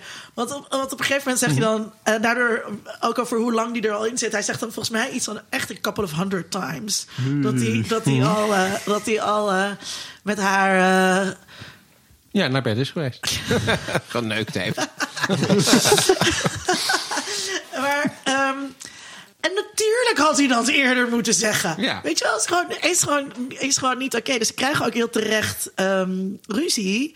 En, eh, maar dat lijkt me ook heel vervelend. Want eerst dacht ik ook gezellig met elkaar in de loop. Maar ook niet gezellig met Mhm. elkaar in de loop. Want ik bedoel, met wie wil je nou in hemelsnaam al die tijd doorbrengen? De hele tijd. Mhm. Samen in dat schuitje zitten. Maar het, het- het- samen in dat schuitje, dat is dan wel weer interessant. Want volgens mij is Palm Springs, in ieder geval van de films die wij nu gekeken hebben, maar überhaupt van de films die ik me kan herinneren die dit thema hebben, de enige film waar je met elkaar in die loop kan zitten. Want het gaat eigenlijk altijd over één persoon, die dan ook allerlei andere mensen moet gaan overtuigen. Of Hmm. Iedere niet. dag opnieuw. Iedere dag opnieuw. Nou, Happy Death Day eh, eh, to you. Die is ook, ook is ook iedere keer maar één is persoon. ook maar één persoon, Ja, maar oh ja, wel. eh, eh, vond ik het wel grappig dat, eh, eh, want dan eh, zit die, die kamergenoot, eh, die huisgenoot, die Aziatische jongen, die, ehm, Die opeens een rol kreeg. die kreeg, ja. kreeg opeens een rol wat ik dan ook weer leuk vond. Heel erg leuk gedaan, Die, toch? Ja, ja, maar die vertelt eigenlijk meteen wat er, ga- wat er gaande is. En zij gaat meteen ook daarop. Oké, Ja, dat was heel handelen. leuk. Ja. Dat je gewoon, ja, je moet het meteen, je moet meteen vertellen. We hebben het nu wel over de film die we, niet, die we eigenlijk niet gekeken Nee, hebben. maar die hebben we Maar, gekeken, dus ik zit ook echt van, dat is- Ik heb hem in de bioscoop gezien en ik vond hem leuk. Al had ik meer verwacht op basis van deel 1. Eh, maar dat is dan sci-fi in plaats van horror. Wat Ja. ik dan ook weer leuk vond van... Oh, we gaan nu weer wat anders doen. Ehm, En- en voor maar de- voor maar de- inderdaad, ja. het feit dat meteen iedereen haar toen wel geloofde... en meteen ging meewerken aan de oplossing. Dat was Maar bij dit, eh, soort, bij dit soort dingen denk ik dus ook... Oh, het is zo handig dat we populaire cultuur hebben. Want stel, dit overkomt je. Je Groundhog Day. zeggen Groundhog Day. Weet je wel, je wordt wakker en dan zeg je gewoon... En hij zegt, hé, hey, ik had je kleren op fout. Groundhog Day. Oké, wat gaan we doen? Weet je wel, oké, is het een technische oplossing? Moet je je leven verbeteren? Hoe komen we eruit? Ja. Ja, ehm ja, Happy Anders Death. moet je het uitleggen. See- You Yesterday was een... eh, eh, Michael J. Fox zat erin. Dus eh, Ook dat, ja, ja, ja. dat was superleuk. zijn laatste rol voor zijn nu echte pensioen. Echt? Maar hij had toch al een paar keer eerder gezegd dat hij met pensioen was? Ja, was alleen, het wel alleen het schijnt dat nu dermate lastig te zijn. eh, Je ziet want ook, in, in, ja. de, in The Good Wife ehm, pa- hadden ze het karakter eromheen geschreven natuurlijk. Maar ja, op een gegeven moment... Hij heeft het natuurlijk al zo lang. Dat ik, ik was al verbaasd dat het überhaupt... eh, hij ziet ook in, acteren. In See, you, ja. in See You Yesterday zit er natuurlijk maar heel kort in en het is heel gimmicky, maar je ziet hem heel veel moeite Ja. Ja. eh, doen om dat trillen in bedwang te houden, wat zo jammer ehm, is. Want Het is zo'n leuke acteur. Wat vonden jullie van eh, See You Yesterday? Ik vond hem eh, een beetje matig. Dit is een van die... eh, ik, had hem al, ik had hem namelijk een keer aangeraden. Ja, in, ja, eh, ik weet het. Toen net na Black Lives Matter protesten hier Ja. in Nederland. Ja, Nee, ik- Eh, maar ik, ik vond hem dus niet heel spannend of zo. Het, het duurde voor mij heel lang om op te bouwen. En ik had het idee van dit is een veel kortere film uitgespreid over een veel langere tijd. En toen zag ik ook dat die geadapteerd is van een korte film. Ehm, maar zo voelde het ook. Want het is echt, het is een film van 90 minuten en op 40 minuten heb je de eerste jump. En die de eerste 40 minuten is allemaal set-up waarvan je eigenlijk zit van... kom op jongens, ik weet wat jullie gaan doen. Dit, dit duurt lang. Dus daardoor was ik al heel snel dat de film me tegenstond of zo. Oké. Nee, ja, vond ik niet helemaal. Ik ehm, vond het juist verfrissend omdat het een echt ander soort eh, film is dan die andere films die we hebben gekeken. Eh, al was het maar omdat het om, om, om een soort science project van, van middelbare scholieren gaat. Dat is meer dan één dag. En het was meer dan één dag, klopt. En, In tegenstelling en- tot een science project van college students. Ja, maar dat vind ik dan toch weer... Ook dat slaat natuurlijk nergens op bij Happy Death Day. Maar dat weet je nog niet dan. You. Dus dat, nee, precies. En bij de Hap- Happy Death Day to You... dat je inderdaad ook denkt van... nou ja, oké, ook al is dit je promotieproject... dan nog is dit wel heel, eh, heel ver Ambitieus. eh, ambitieus. Maar, hè, maar voor middelbare Ja, vind ik het helemaal, injecteren. helemaal behoorlijk ambitieus om zoiets eh, eh, nee, te maar maken, het is gewoon toch? antimaterie ligt gewoon in het lab. Dat, Ja, dat, dat weet. Moet je Dat, gewoon dat weet iedereen. Maar eh, nee, dus dat vond ik leuk dat het gewoon eh, in die zin eh, heel anders is. En toch wel eh, die connectie met, met Black Lives eh, Matter en, en eh, het politiegeweld en, en haar broer. Dat, dat, dat vond ik ook wel aangrijpend. Ik vond het dus meer inderdaad- dan bij de andere films waar het meer een gimmick is en waar, waar allerlei hele leuke dingen mee gedaan worden. Zat hier ook echt wel iets in dat je denkt van oh, maar dit, dit gaat wel ergens over. Nou ja, dat, is dus dat, dat, dat legt de fundamentele vraag neer. eh, over- dat gaat over institutioneel ehm, Racisme. racisme. En niet een soort toevallig racisme of een toevalligheid van eh, dingen. Nee, dat laat zien dat, het, dat, het, eh, dat je daar niet aan kunt ontsnappen Ja. als het zo geworteld is. Dus ik vond dat wel goed gedaan. Maar het is wel een beetje een kinderfilm in de zin dat. eh, dat, ja, dus is, de, de aanloop is heel lang. En volgens mij is het eh, ehm, leuk. Vooral leuk als je inderdaad een jonge tiener bent. Ja. En, je kijkt, en je kijkt dit. En minder als je van die oude mensen bent. Ja, Zoals dat je Sydney- cynisch Sydney geworden en bent. Ja. Oké. Ja, ik, vond, ik vond hem... eh ja, Hoeveel sterren heb je hem gegeven? Een 3,5.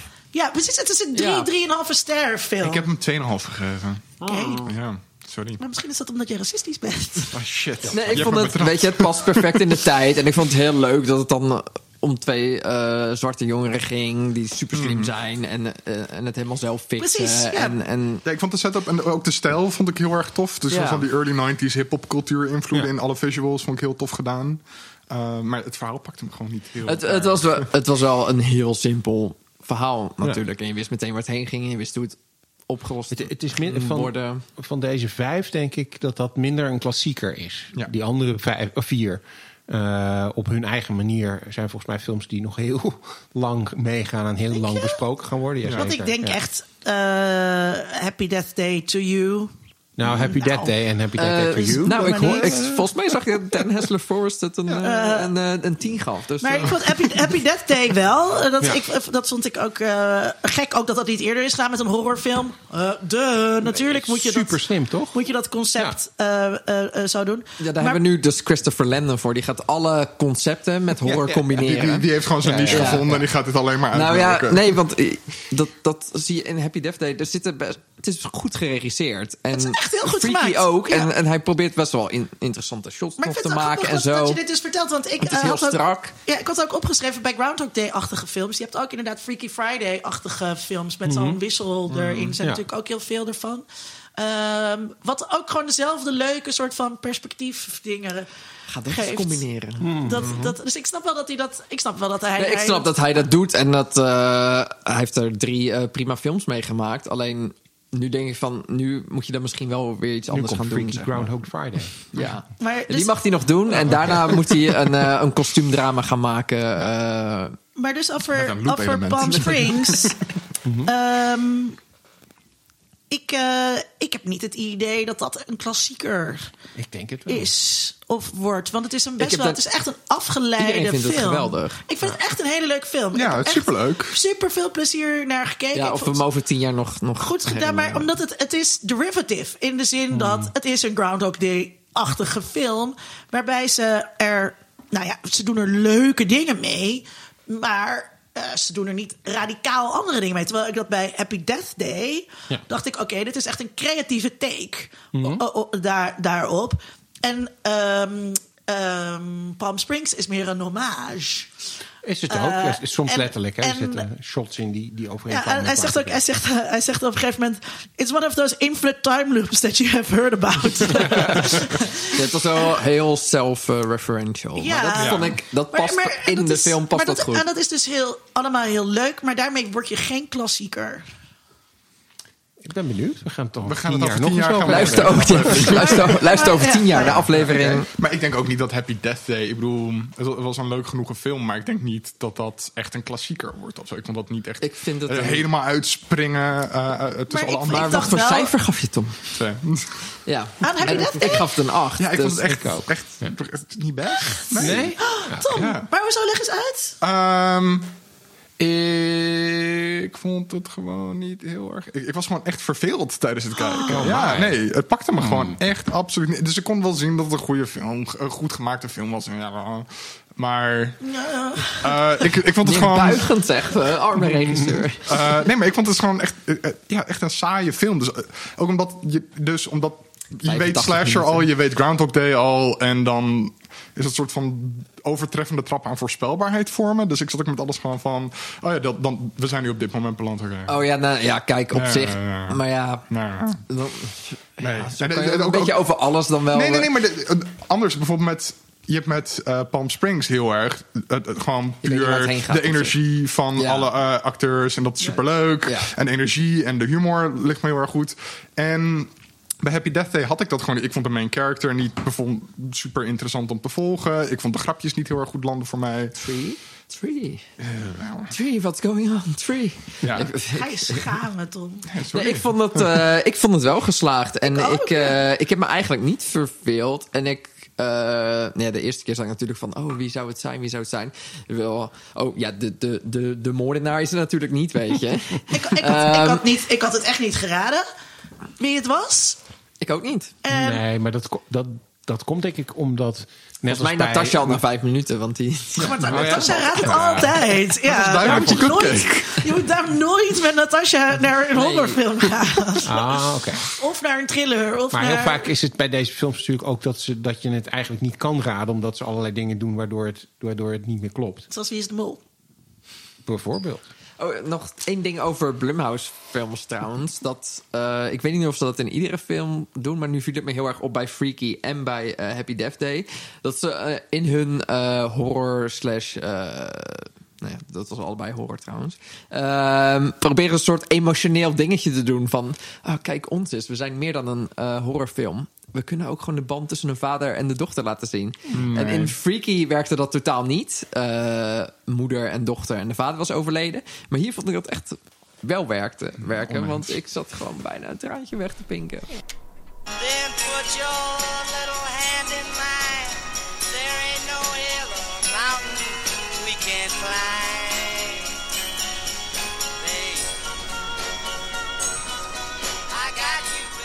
Nou, vandaag gaan we het dus hebben over Groundhog Day-achtige films. En we hebben er... Nee hoor, luisteraar. Grapje. Waar waren we? Waar waren we gebleven? We waren gebleven bij eh Bloomhouse. En eh, dat het soms wel werkt en soms niet. Ehm, hoe, over hoe het werkt gesproken. Hoe werkt zo'n time loop eh, eigenlijk? Is dat nog Beter iets als je niet weet. Nou ja, je hebt dus de quantum eh, fysica en dan is, eh, is het... ehm, eh, ja, ik, vind, ik vond het dus geinig dat er ook films zijn waarbij het dus technisch Ja. is en niet op karma. En dat is dus dan, dat maakt het meteen ook interessant voor als ik in zo'n loop kom te Maar zitten. die film heb je uitgezet. dat, ik er, dat ik erachter moet komen, is het karma of is het technisch? Maar dat is inderdaad precies wat Sonny zegt. Want Of, dat is of is het eh, organisch? Edge of Tomorrow is dat natuurlijk. Hè? Dat, eh, zover ben je Oh, niet gekomen, God. denk ik. Ik kom dan eens in een loop te zitten De met Alpha Tom Cruise of zo. Waar ik dingen met Tom Cruise doe. En ik weet Oh, zeker al dat ik daar vannacht over ga dromen. En dat het heel kut is. Ja. Oké.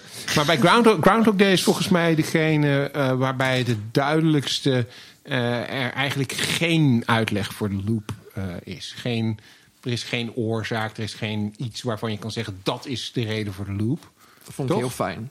Ja, Ja, dat, is, dat is Hoeft prettig. altijd. Terwijl in die andere films zit dat wel allemaal.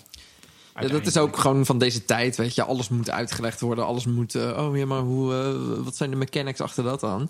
Hoeft niet. Ja, maar daarmee kan je misschien ook je film een beetje differentiëren. Dus dat je zegt van, het is als Groundhog Day, Ja, maar dan... Nu, moet dat, maar de- ja, omdat Ja. het de Maar bij eerste was, Happy, hoeft dat bij Happy niet. Death Day hoeft ze ook alleen maar erachter te komen wie de moordenaar is. En dan is het klaar. Tot je Happy Death Day 2 ziet. Ja. Ah. Ja, maar dat is dan. Maar dat hoef je, die hoefde je niet Ja, te kijken voor niet te kijken. dat is waar, dat is waar. Dat het ding is alleen, die hadden ze wel, denk ik, tegelijkertijd geschreven. Dus Ja, en- wel? en- en- of is de auteur dood en maakt De het niet auteur uit? is dat is dood. Groundhog Day had een verklaring. Eh, daar was het een soort voodoo curse in een eerdere versie van Nou, het script. nee. Eh, en dat hebben ze toen, nee, maar dat hebben ze Nee. toen expres eruit gehaald. Goed. Goed Eh, omdat ze dus dachten, ja, dat hoeft helemaal geen verklaring te hebben. Dat moeten we gewoon lekker in het midden laten. En dan Ja. is het prima. Hey, maar, Het was de ehm, seks, de seks. maar, niet om de ehm, dag. Nee, het was, nee, nee, nee. Het was True Love's Kiss. Maar, eh, oh ja, daar wil ik ook nog iets over zeggen. Maar oké, twee dingen. Misschien eh, eerst die True Love's Kiss. Oké. Ehm, is het liefde als het gebaseerd is op voorkennis? Ja. Ja? Nee, Ja. Wat? Hoezo niet? Natuurlijk wel. natuurlijk niet. Ik bedoel, als jij Als zeg jij maar... geresearched, als jij, stel jij gaat op een Ja, Tinder maar date hij met. is helemaal eh, niet verliefd op Annie Nee, McDowell. Hij wil haar dat- gewoon neuken. Nee, maar dat, dat verschil laten ze best goed zien. Het, Ja. e- Eerst is het kennis en later is het oprechte interesse in een andere ook persoon. omdat er weinig mensen voorhanden zijn in, hoe heet dat stadje? Punxsutawney. Ja, heeft al, al die andere vrouwen die op elkaar lijken, heeft hij al gehad. ja, weet klopt. je wel. Dus, dus ehm, ja. Maar jullie vinden het echt allemaal liefde? Ik vind Nou, het- ik, ik, het vond dat, ik vond dat, ik vond ja. dat, ik, wat ik zeg, ik vind dat lastig als jij eh, veel dingen over die persoon weet en die persoon weet dat niet van jou. Ster- sterker nog, je hebt dit date al 85 keer gedaan om hem te oefenen. Het is zo grappig hoe En- Bill en Murray dan dat- Frans dat- spreekt. En, en die McDowell echt helemaal van de stoel afgeleid. Maar, dat, ja, maar dat- je wordt toch, dan word je toch, net als in Palm Springs, je wordt dan toch genaaid. Niet in de Sydney Smeets-achtige zin des Nee, maar wacht. Gemanipuleerd nee, maar, nee, maar dan, als die Frans spreekt, uiteindelijk slaat ze hem nog steeds in zijn gezicht. Ja. Dus hij komt niet tot de kern van haar. Ja, dat, dat, lukt boezemt dan pas. vertrouwen in of zo. Dat Dus- lukt pas ja, als hij dus- oprecht is. Nou, dat- het, het lukt volgens mij pas op het moment dat hij. Dat hij Maar er is dan toch geen oprecht meer? En dat is Hij ook kan pas dat neuken op het moment dat hij niet wil neuken. Als hij, als, hij, als hij die chick al 200 keer heeft gedaan, weet je wel, dan Nee, maar is die het toch heeft hij niet gedaan. In gedaan? wel? Oh, Ja, in ja. Springs. Oh, sorry. ik dacht Eh, dat het over Groundhog. Weet je wel, dan, er- er- dat, dat loopt allemaal door elkaar. En het feit dat wij toevallig ja, inschakelen Op dit, ja. op dit moment... en dat we het vanuit haar dat een beetje mee- meebeleven... maakt niet doet er geen afbreuk aan dat voor hem zij een beetje wel eh, een soort van inwisselbaar. En ik bedoel, ze hebben vast wel wat vaker gekletst over dit hele verhaal. Als je elkaar al 200, 200 keer is vaak hoor. Ja, Dat is echt veel. echt veel. Moet je maar eens bedenken of jij je vriendin. eh, sorry. Nou, Ehm, Nu ben ik even het kwijt. Wie had elkaar 200 keer? ehm, eh, in Palm Springs. In- Oké. Ja. Dus dat, dus, dus, en ook voor Bill Murray. Eh, ik, ik denk niet dat, dat zijn nep-interesse duidelijk te onderscheiden is van het moment waarop hij die werkelijke Vond interesse ik heeft. wel. Ja, omdat Ja, wij dat in de en- film zou kijken, omdat we niet alle loops zien, want dat zou heel lang duren en ongelooflijk saai zijn. Er is ik Maar dat is ook uitgerekend dat hij iets van 30 jaar in die loop zit of zo. ja, want ik bedoel, hoe lang duurt het om, om Frans te leren met zo'n goed accent? Nou, Ja, en om zo piano. piano te spelen, eh, nog langer denk ik. ja, precies. Dat, dat, eh, en dat, dat zien we allemaal niet, want dat is dan heel saai. Ja. Maar ik weet het niet. Want het, volgens Nou, mij ik zit de Bill gedachte... Murray in alles, eh, alles zien hoor. Ja. Nou, volgens mij zit de gedachte er een beetje achter. Hè, dat je, eh, wat, wat misschien herkenbaar is voor de luisteraar of niet. eh, Wat Tom net zei. Hè, dat je onder de douche staat en denkt van... oh shit, had ik dat nou gedaan, dan was het misschien anders gelopen. Eh, dat hij op een gegeven moment bij, bij die dates... iedere keer denkt van... oh shit, had ik dat nou anders gedaan, dan was het anders gelopen. Ja. En dat hij dus eigenlijk, omdat het zo'n oneindige loop is... Hè, Maar hij gaat heel gericht te werk. Hij gaat Ja. echt vragen. Oké, van weet je wel, oké, geen witte chocolade genoteerd. Het is, het Ja, maar is, dat werkt dus niet. Ja, maar dus op het moment dat hij dat loslaat, dat hij dat, oh had ik het maar is zo toch- gezegd, maar dat is loslaat. toch, ja, En dat is toch hetzelfde als opschrijven. Je hebt gewoon een boom van, van mogelijkheden. Die gaat allemaal een keer proberen. Op een gegeven moment denk je, oké, dit werkt niet, ga ik dat proberen. Maar dan is het nog steeds vanuit hetzelfde instrumentele denken. Ja, maar Namelijk, dat, wat maar dat, werkt dat is haar dus aan het, aan het krijgen? einde heeft hij dat instrumentele denken losgelaten. Wil hij niet meer de hele tijd haar broek inkomen, maar is hij gewoon lekker bezig om in de gemeenschap goede dingen te doen. Dat, dat vond ik het meest opvallende. Deze keer viel me dat pas op. Dat hij kent dus iedereen's naam. Dus hij heeft echt de moeite Mhm. genomen. Eerst gaf, het, gaf hij geen fuck om, om wie in dat gat woonde. En misschien kon het niet anders omdat hij zich zo verveelde. Dat weet ik niet. Maar hij heeft oprecht interesse leren tonen in dus- andere mensen. Ik heb dat dus en dat heeft hem een beter mens laten dus worden. En ik dacht, ja, tijdens ik vind het best een leuke boodschap. Waar je nooit meer nieuwe mensen ontmoet, duik ik dus heel erg op alle mensen die ik al ken. Vertel me nog wat meer over jezelf. Dat snap ik heel goed. En dat is niet omdat ik een heel leuk, aardig iemand ben, maar gewoon omdat ik gewoon van een praatje maken hou. Ik vind je, een beetje wantrouwig tegenover Bill Murray. Ja, oké. Dat zou ik dus zeggen. Veel. Maar een ander, ander punt is, Maar is dat die loops, die lokken gewoon sadisme uit. Je, het is Mhm, gewoon onvermijdelijk dat je dus... Oké, eerst ga je dan dus sadistisch zijn met je eigen lichaam. Ga je gewoon heel veel zuipen en drugs gebruiken... en alle mensen Mhm. neuken zonder dat daar enige consequentie op staat. Eh, en dan Heel veel eten. Oh, eten. Dat zou ik ook heel veel doen. Ja, want je komt toch niet aan.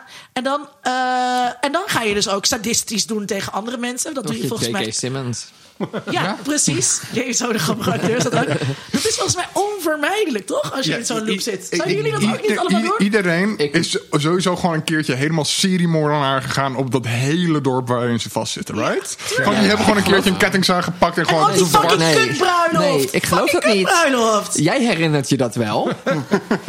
ik zou... Nee, ja, sorry. Maar ik- ik natuurlijk zou zit je daar op een gegeven moment dan in je Ja, maar dan- ben je al gek geworden. doen. Maar dan ben je Ja, al, dan ben je al ik denk, ik denk ook dat een ander persoon dat- ook was. Sydney? Zou je ook eerst heel sadistisch worden? Denk het niet. Eh, denk het niet. Maar eh, ten, e- om twee redenen. Ten eerste omdat je Ten nog- eerste omdat ik strafrechtadvocaat ben. Nee, en ik nee, ga nee, eh, nee, hier nee, zeggen dat nee, mij nee, eh, dat- ten dat laste niet. gelegd zou kunnen worden. Dat niet. Nee, maar te- ik denk om, te- om twee redenen. Ten eerste omdat je, eh, maar dat zou gewoon dan een beetje, dat is een beetje laf van mij, maar dat je nooit weet wanneer die loop misschien toch een keer eindigt. Nou, het zal maar net zijn op het moment dat je iedereen vermoord hebt. Lijkt me niet zo prettig. Daarom ging Eh, al die mensen redden. Ja, precies. En het tweede is dat ik denk, wat Sonny ook volgens mij bedoelt. Eh, als je nu af en toe op, eh, op, op, nou ja, de verkeerde sites eh, rare filmpjes ziet van onthoofdingen en weet ik veel wat allemaal, dan word ik al. eh, Zit kan ik al wat voor twee nachten niet. jij? Nee, goed, liever ook niet. Maar dan kan ik al twee nachten niet slapen. Laat staan dat ik dat zelf zou moeten doen. Dan denk ik van nee, dat, ik weet niet. Ik denk niet dat ik daar heel erg vrolijk van zou worden om dat te doen.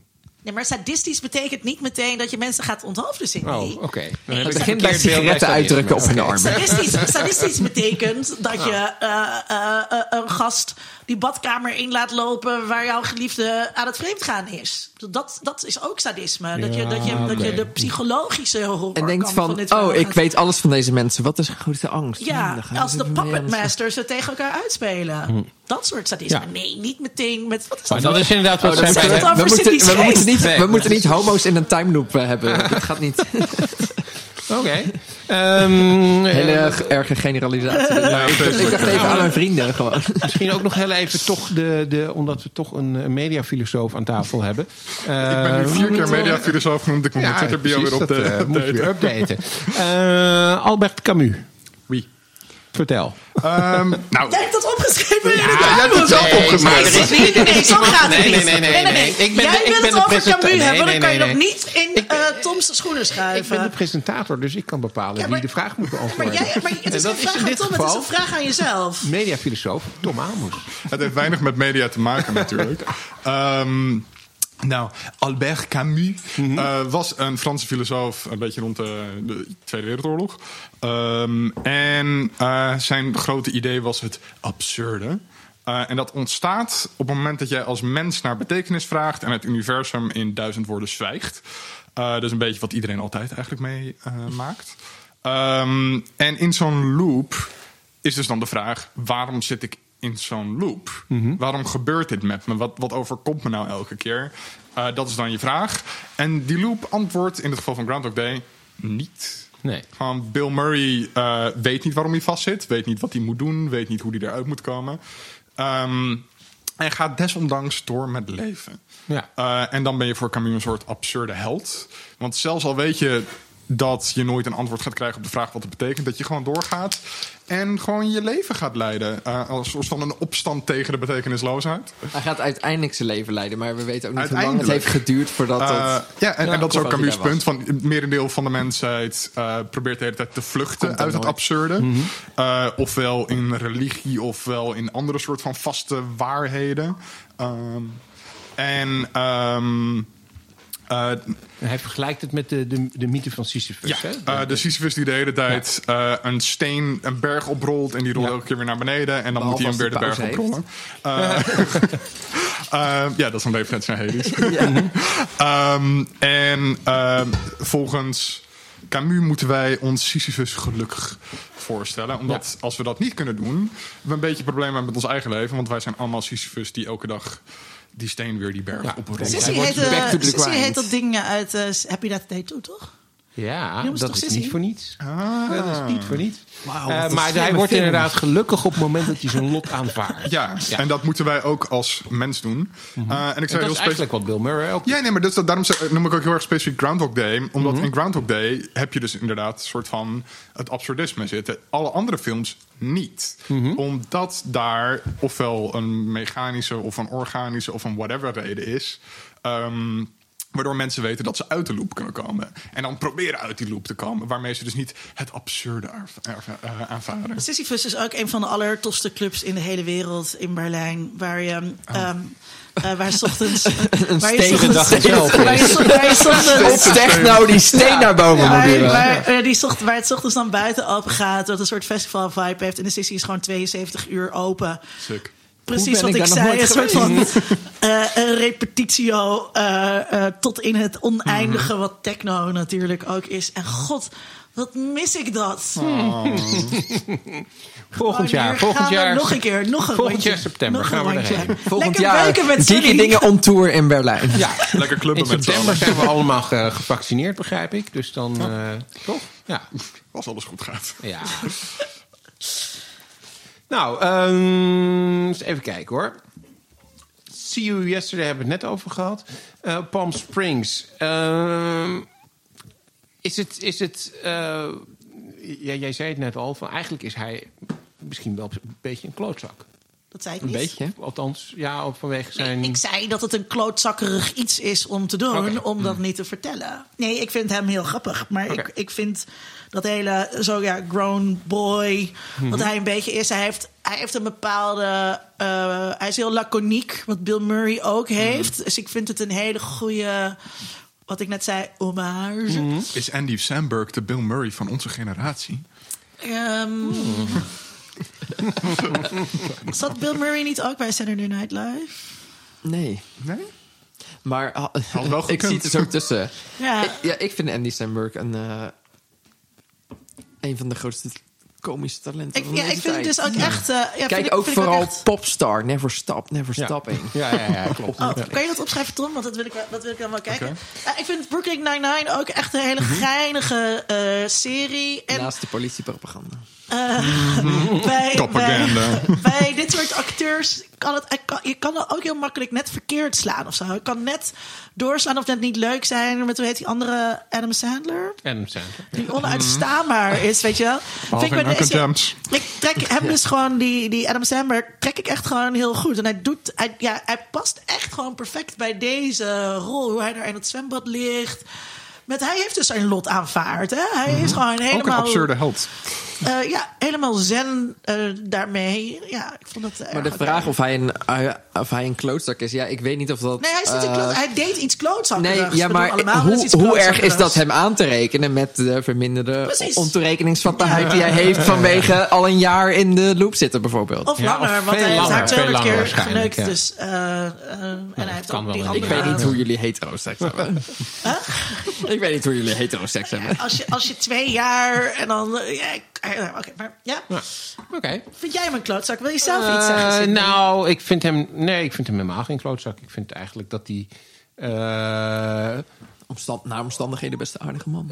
ja, ja, ook omdat. Laat ik het zo zeggen. Hij, eh, behalve dat ene moment dat hij dan zegt van 200 keer, wat gewoon heel naar is. Eh, Of je pakt het als een compliment op. Ik bedoel, hallo girl. hij komt elke keer terug naar jou, Ja, eh. precies. Ja, het is Van maar net al die mensen kijkt, hier. Maar hij had dat het eerder zo. moeten zeggen. Had het misschien eerder moeten zeggen, Maar maar... echt een lekker wijf. Maar dat komt door heteronormativiteit. Dat je dat Ja. niet kan zeggen, want dan lijkt zij een slet. Oh, da- ja, dat is het. Het is niet mijn schuld. Ehm, maar verder eh, doet hij het juist volgens mij. Kijk, Bill Murray is op een gegeven moment, zeker in het begin, de, laten we zeggen de eerste twintig jaar van zijn loop, eh, is wel een klootzak. Is gewoon echt een klootzak. Ja. En hij wordt een. Maar ook een heel man. herkenbare klootzak. Want hij Ja, zit maar wel. eh, maar hij is wel iemand die echt. Paxatoni. Ja, en dat En is hij wel wil echt gewoon voor een hoor. netwerk werken. En daarom wil hij een outside line. Precies, precies. En, eh, maar hij is wel echt iemand die. The chance of die- me leaving. Oh, 100%. Maar hij is wel echt iemand die mensen dan in dat begin hè, heel, heel, heel erg manipuleert. En, en bezig is Hmm. om, om echt gewoon puur voor zijn eigen genot of voor zijn eigen ding mensen bepaalde Nou, richting in te nou, ik weet- hij geeft gewoon geen fuck om wat andere mensen ja, voelen. precies. Dus een klootzak. Ja. toch? Ja. nee, zeker. nee. En dat, heb ik, dat Maar- idee heb ik bij Palm Springs Ja. minder. Omdat ik het idee heb dat Maar we ondanks... weten niet hoe hij daarvoor was. Ja. Dat weten we niet. zijn eerste honderd Dat doels. is waar, dat is waar. Dat, kun- dat, we weten, dat we weten alleen we maar dat hij toen nog de moeite nam om een pak aan te trekken. Nee, maar bij hem snap je wel dat... eh, Ik heb het idee dat hij... hoe hij daar gekomen is. En dat hij, hoe hij is geworden, heel Hij veel zit- mensen maar- zo zouden zijn. Hij ziet zich ook geconfronteerd, dus eh, in Palm Springs, hij Mhm. ziet zichzelf geconfronteerd echt met kutomstandigheden. Dus Ja. eh, hij komt erachter dat die, dat die bruidegom eh, vreemd is gegaan. Hij komt erachter dat zijn eigen vriendin vreemd gaat. Alle, hij, hij komt achter allemaal hele kutdingen. Terwijl Bill Murray een soort van zich realiseert dat die, dat die eigenaresse van die bed and breakfast het ook maar niet slecht bedoelt of zo. Ja. En, en er zit eigenlijk iedereen is eigenlijk goed. En dat hij iets gewoon met zijn tijd kan doen waar hij... En dat die zwerver eigenlijk een hele aardige man is die Oh, je soep dat kan is- geven. ja. Maar die hij niet kan redden. Ik heb dat opgeschreven als, als ding, ding wat dan... Er zit heel veel in die film. Eh, maar dat soort dingetjes, dat zijn net een beetje die extra dingen die, die me nu dan bij de vierde keer kijken, dat ik weer dacht van, oh, toch, toch goed dat ze dat, dat, ja, toch goed dat ze dat er ook in hebben. Dat het niet puur alleen om he- hem en eh, André Lon haar model eh, gaat. Eh, zo ken- ja, zo ken ik. Dat was is mijn- wel zo, dat ja. was mijn eerste introductie. Ja. Ik, Ja, heb, ja. ik heb vijf jaar André Non reclames gezien. En toen zag ik pas haar eerste filmrol. Dus Ja, nee. dat is mijn go-to ding. Ehm, maar er is, gebeurt veel meer in die wereld. En het, het moment dat hij daar steeds meer om gaat geven... dat eh, vond ik heel goed eh, verbeeld. Eens. Nou.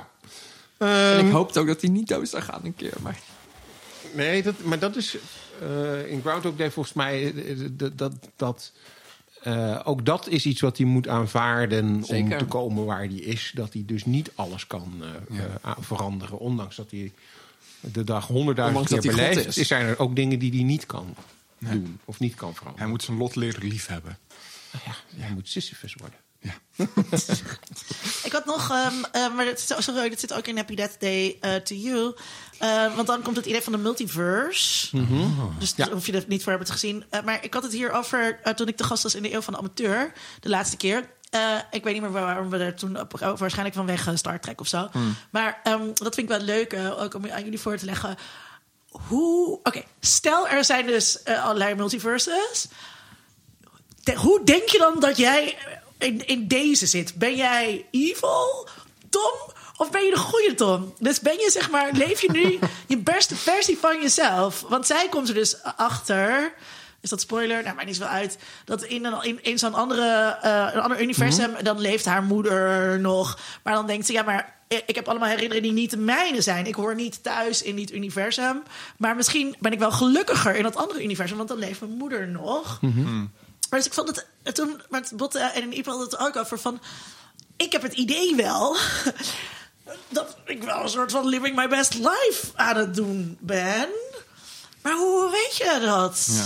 Ik, ik hoop gewoon heel erg ergens dat als er multiverses zijn waarin andere Toms het beter hebben, dat die Toms dan gewoon klootzakken zijn. Dus dat ik me nog net wel wat moreel verheven boven de mensen die een beter leven Hoi, ik hebben ben, wat zou je doen als je ik ben maar- Tom, ik werk op de Zuidas. En, eh, ja. Ja, maar dat, maar dat ik dan echt kan zeggen, ah, die Cool, Tom is man. echt een teringleier. Wat, wat ben ik blij dat ik niet hem geworden Maar ben. hoe weet je, Tom? Nou, ja, bij jou kan ik dat niet vragen.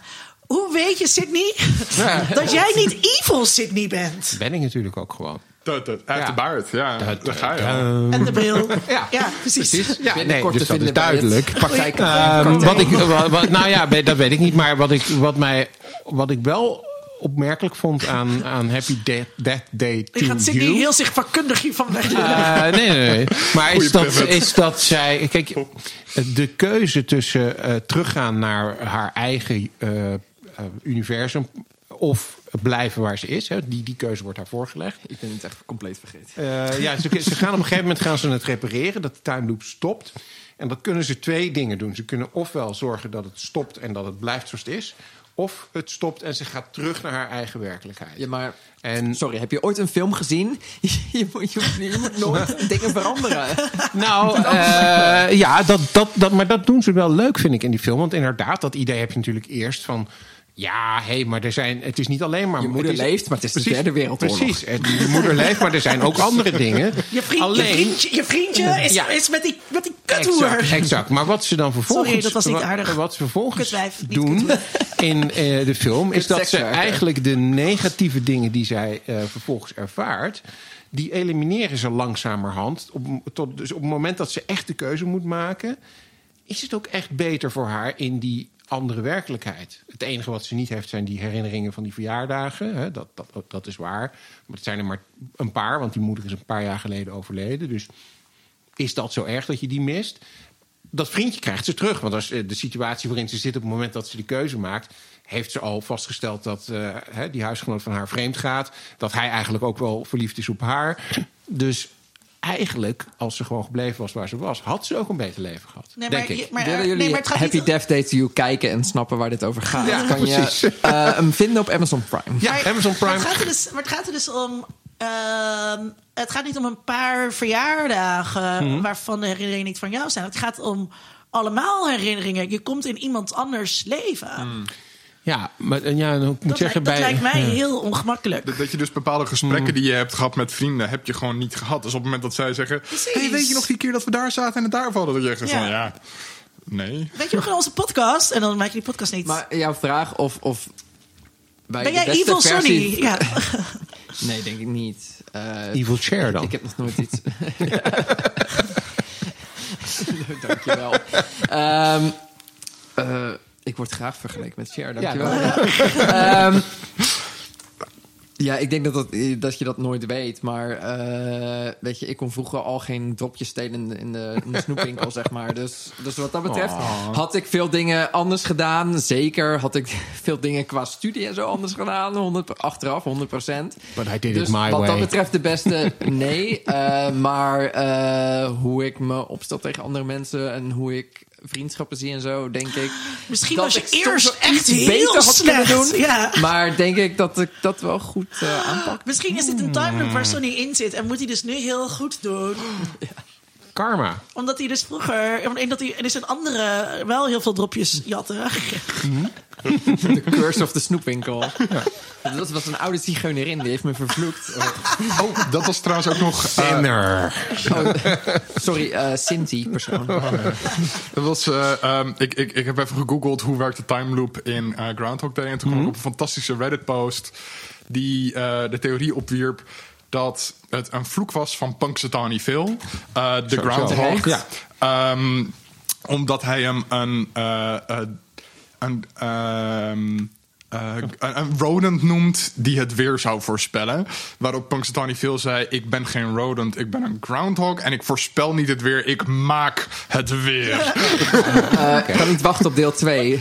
Groundhog Day 2, The Groundering. Er is, eh, er is wel een musical gemaakt van Groundhog. Day. Oh, ja, met, en ik, heb, ik, ik, ik ben een van de weinige mensen ter wereld volgens mij die die musical gezien heeft. Die ene week dat het... Ja, ja, het heeft volgens mij niet zo heel lang gedragen. Maar het was, best oké. Ja, het was best oké. Muziek van Tim Minchin. En Oh. Tim Minchin is Ja, gewoon goed. Dimension is Ja. hartstikke leuk. Ja. Dus, eh, ehm, ja, hebben we nog meer over Puxatony Phil te vertellen? Of over andere mensen die in time loops eh, zaten? Of die eh, uit, uit vliegtuigen zijn gesprongen? Of, Zitten we niet allemaal een beetje in een time loop überhaupt met onze dagelijkse sleur? Ik niet hoor. Ik weet niet eens.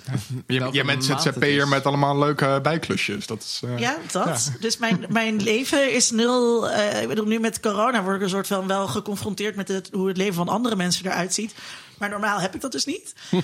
en ik probeer dat te doorbreken door bijvoorbeeld mijn huis op te knappen. Dus ja, dat, straks heb ik, een, heb, ik, niet, heb ik een betere slaapkamer. Je kan dat gewoon. Je kan de eentonigheid is natuurlijk ook gewoon, is ook gewoon je eigen schuld.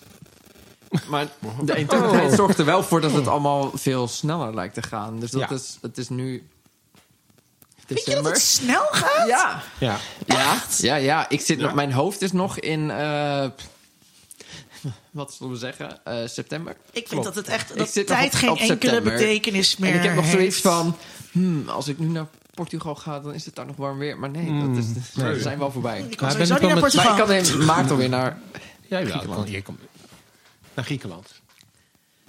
Ja, ik ben misschien recent in Griekenland geweest, terwijl dat... eh, net, net Was je naar voor- Mykonos? net- nee, we zijn expres niet naar Mykonos gegaan, want dat... Ten eerste mag dat niet.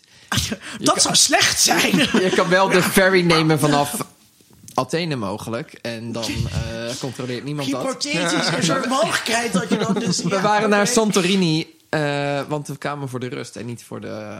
Niet voor de koning. Ehm, Oh, maar dat was, dat, was, dat was begin oktober en dat was nog voordat de koning zou gaan. Dus voordat, begin oktober voordat was überhaupt gisteren. flink gefronst werd over net nog op vakantie gaan in coronatijd. Ehm, maar misschien in maart mogen we... Mag dat Voor mij loopt weer alles wel? door elkaar. En is dus misschien ook wel zo dat klussen en zo ook wel een manier om eraan te ontsnappen. Dat, dat je een soort tijdsmarker hebt van... oh ja, ik heb toen dit gedaan. Ja, ik heb ook een boek geschreven. Waarvan ik ook denk dat was ook drie jaar geleden dat ik dat boek heb geschreven. Koop een boek. Eindelijk weten wat, Wat een seks is. natuurlijke plug. Als je eindelijk wilt weten Ik dacht, wat wanneer seks komt is. die? Nee, ik had, er niet, ik had niet bedacht dat ik dat ging pluggen. Maar Nee. ik dacht, nu ik het er toch over heb, moet ik dat wel zeggen. Maar wat is, ja, heb jij dat niet, Sidney? Je hebt ook een boek geschreven. Ik, ik, ik, Jij ook even je boek. Hoe heet je ik, boek? ik, ik heb toevallig ook een boek geschreven. Dat heb ik gedaan tijdens die lockdown. Eh, en dat boek dat eh, heet Het Porselein Huwelijk. Komt eh, in maart uit. Dus kun je mooi op vakantie eh, lezen, eh, Sonny. Doe je nog iets anders in maart trouwens? Krijg ik Sidney? een, Eh, heb je nog iets om te Of krijg ik een gesigneerd exemplaar? Ja, dat krijg je sowieso. Nee, dat eh, maak je geen zorgen. Ehm, nee, wat ik wel heb is... Ik had het er laatst met iemand over. Dat, ik was bij vrienden op bezoek waar ik al heel lang niet geweest was. Eh, maar dat leek allemaal veel korter doordat dit hele jaar zo raar eh, eh, is. En eh, hadden we het over allerlei dingen. Maar dan moet je dus eh, heel erg zeggen... Nou, dat was toen en dat was toen. En, en ik merkte dat ik dat voor, eh, door, door dit jaar ehm, niet meer goed kan. Niet meer goed kan plaatsen wanneer iets is geweest. Oh, dat kon ik Eh, nooit al. Nou, nee, omdat ik... eh, ik, ik had altijd, was het altijd al. 2018 of was het 2019? Eh, nee, maar ik, ik merkte dus dat ik het moeilijk Berlijn vond om, om, om... Ik moet dan echt rekenen met. Ja. Maar kijk, dat jaar was ik daar op vakantie. Die persoon was er wel, die was er Die persoon was er wel bij. Ja, precies. Nou ja, dat ik, ik moest dus iets vertellen van, nou, dat was, dat dat, dat, dat dan, ik, ik, ik zei van, oh, dat was vorig jaar. En toen dacht ik, ja, dat kan helemaal niet. Dat moet veel langer geleden zijn geweest. Maar dat komt omdat dit jaar Het was gewoon februari. eigenlijk zo raar in elkaar Dit gezet jaar is eigenlijk twee het weken tegelijkertijd geleden. drie jaar en twee weken. Ja, ja. Ja. Ja. dat is echt het gevoel. De laatste ja. keer dat ik uit was, was eh, Breakfast Club met Sonny. Oh. en het was echt, maar dat voelt ook als, ik bedoel, als je dan gaat kijken. eh, nou, dat, dat, ja, dat is drie weken geleden. Eigenlijk wel. Mijn laatste keer uitgaan was het aller echt, laatste echte feest in de school. Oh, ja. Op zondagmiddag. En, Ah, goed dat je het even meegepakt hebt. Ik, ik was daar de laatste weekender. En toen had ik echt zo van, oh, dit vind ik echt superleuk. Want ik was nog niet zo vaak geweest. Dus ik had van, oh, ik ga nu vaker naar de school. Dat lijkt me echt leuk. Maar het is dus een is beetje alsof, ehm, eh, zeg maar, volgens mij is dat hoe Warp ooit uitgelegd, eh Warp Speed ooit uitgelegd is. Als je een papiertje, zeg maar, vouwt en je maakt er hier zo'n lus in. Dan eh, heb je hier bovenaan, en dit kan de luisteraar helemaal niet zien. Maar dan heb je bovenaan veel een lus. En eh, dan ga je van het, van het ene punt naar het andere punt. En dan ben je er meteen, dan hoef je die lus niet door te lopen. Zo Oh, deze scène heb je ook in Interstellar. Dan doen ze ook dat papier. dan leggen ze het aan. Oké, ja. Ja. En ik heb dus ook, eh daar kwam het net al over op, toen ik op wereldreis was, maar eigenlijk alle keren dat ik op reis ben geweest, voelde dat, voelde dat ook als een soort lust. Dus dan, jij bent heel lang weg geweest en dan kom je terug en al je vrienden zijn gewoon met hun leven bezig. En jij hebt miljard dingen meegemaakt en zijn gewoon bijna niks. Want de meeste mensen maken in, in, in een jaar best wel weinig belangrijks door of zo. Oké, Linda, bedankt voor de... Ja, maar en dat, dat, is hier, dat is hierbij dus ook. Dus ik kan dus heel een makkelijk teruggaan naar, naar februari of januari. een Waarin beetje ik, als Queen Elizabeth in seizoen 2 tijdens, tijdens die speech waar heel veel over te doen was. Ik moest Je had denken even aan... gisteren eh. Ja. oh, this will keep you from your mundane life. ik moest denken aan, aan Empire Strikes Back met eh, Han en Leia die heel snel eh, eh, reizen. En Luke die echt maanden op Dagobah is om daar zijn training Nee, hij was daar twee weken. Oh, ja, oké. dat is toch ook Nee, zo'n maar ding waar is- discussie over Ja, is? zeker. Ja. Ja, Maar ja, ja. ja. oké. Volgens Ja. mij is dit eh, een Ja. punt. Ja, maar ja, ja.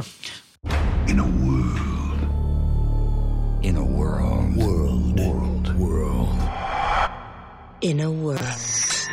Net zoals in iedere aflevering, eh, dat heb ik al gezegd, hè? Ja. Mhm.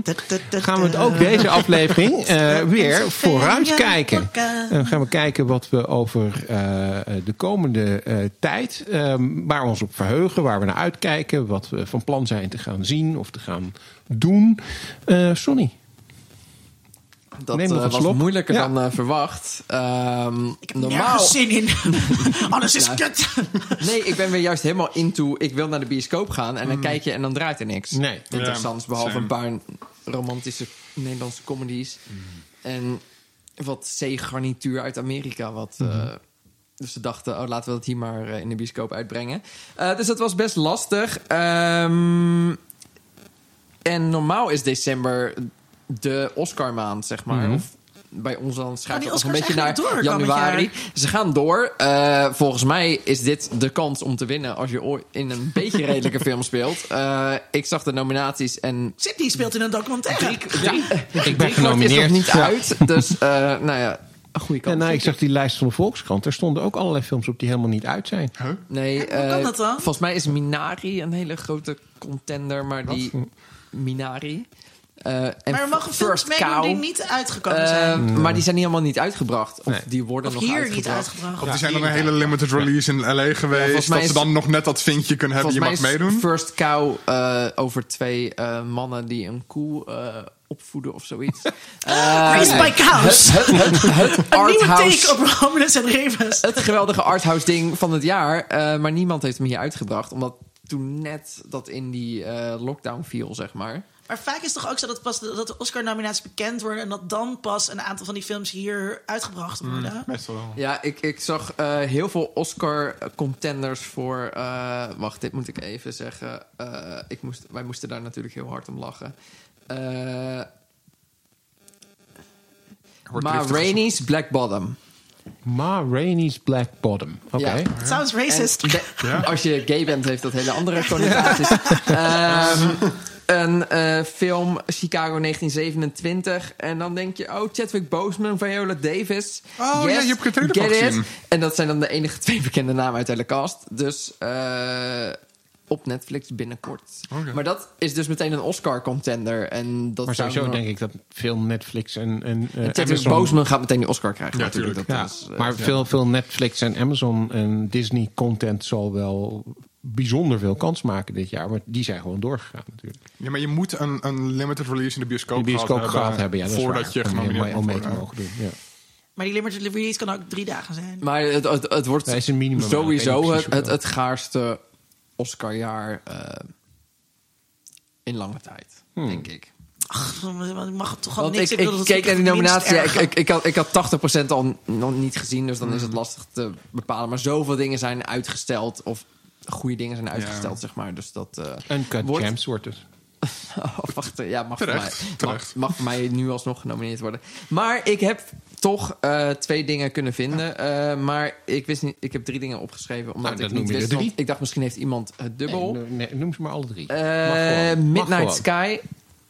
Eh, geregisseerd en geacteerd door George Clooney. En dan, nou, je weet het nooit, maar eh, komt op Netflix binnenkort. Maar wordt hier ook gewoon in de bioscoop uitgebracht. En een science fiction film willen we altijd in de bioscoop zien.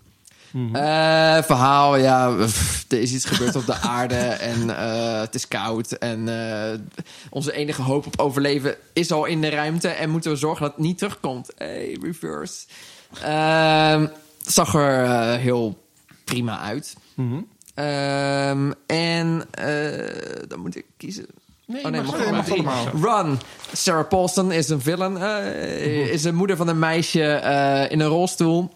En eh, natuurlijk is zij een verschrikkelijk mens en doet ze allemaal dingen tegen dat meisje. En dat meisje moet ontsnappen. Sarah Paulson is dat toch dat Young Vijf al- van, ehm, van al die series? Ja, American Horror Ja, Story. precies. Ja, en eh prequel voor One Flew Over the Cuckoo's Nest. Ja. Ratchet, wat ik weiger te kijken. Ja, dat moet je Best mis je niks oké, hoor. Nee. Best Of oké. Ryan Murphy. Ja. Ja. Ja, doen we niet aan. nee. Hij- eh, ook een nieuwe serie op Netflix en het zag heel leuk. eh, het plaatje was leuk, maar ik dacht, Ja, ik nee, vond het- ik vond het regel, echt, ik heb eh, een regel gemaakt en ik ga me eraan Ik, houden. ik ben echt American Horror Story fan, maar ik vond Ratchet echt eh, kut. Dan ga ik er helemaal niet aan beginnen.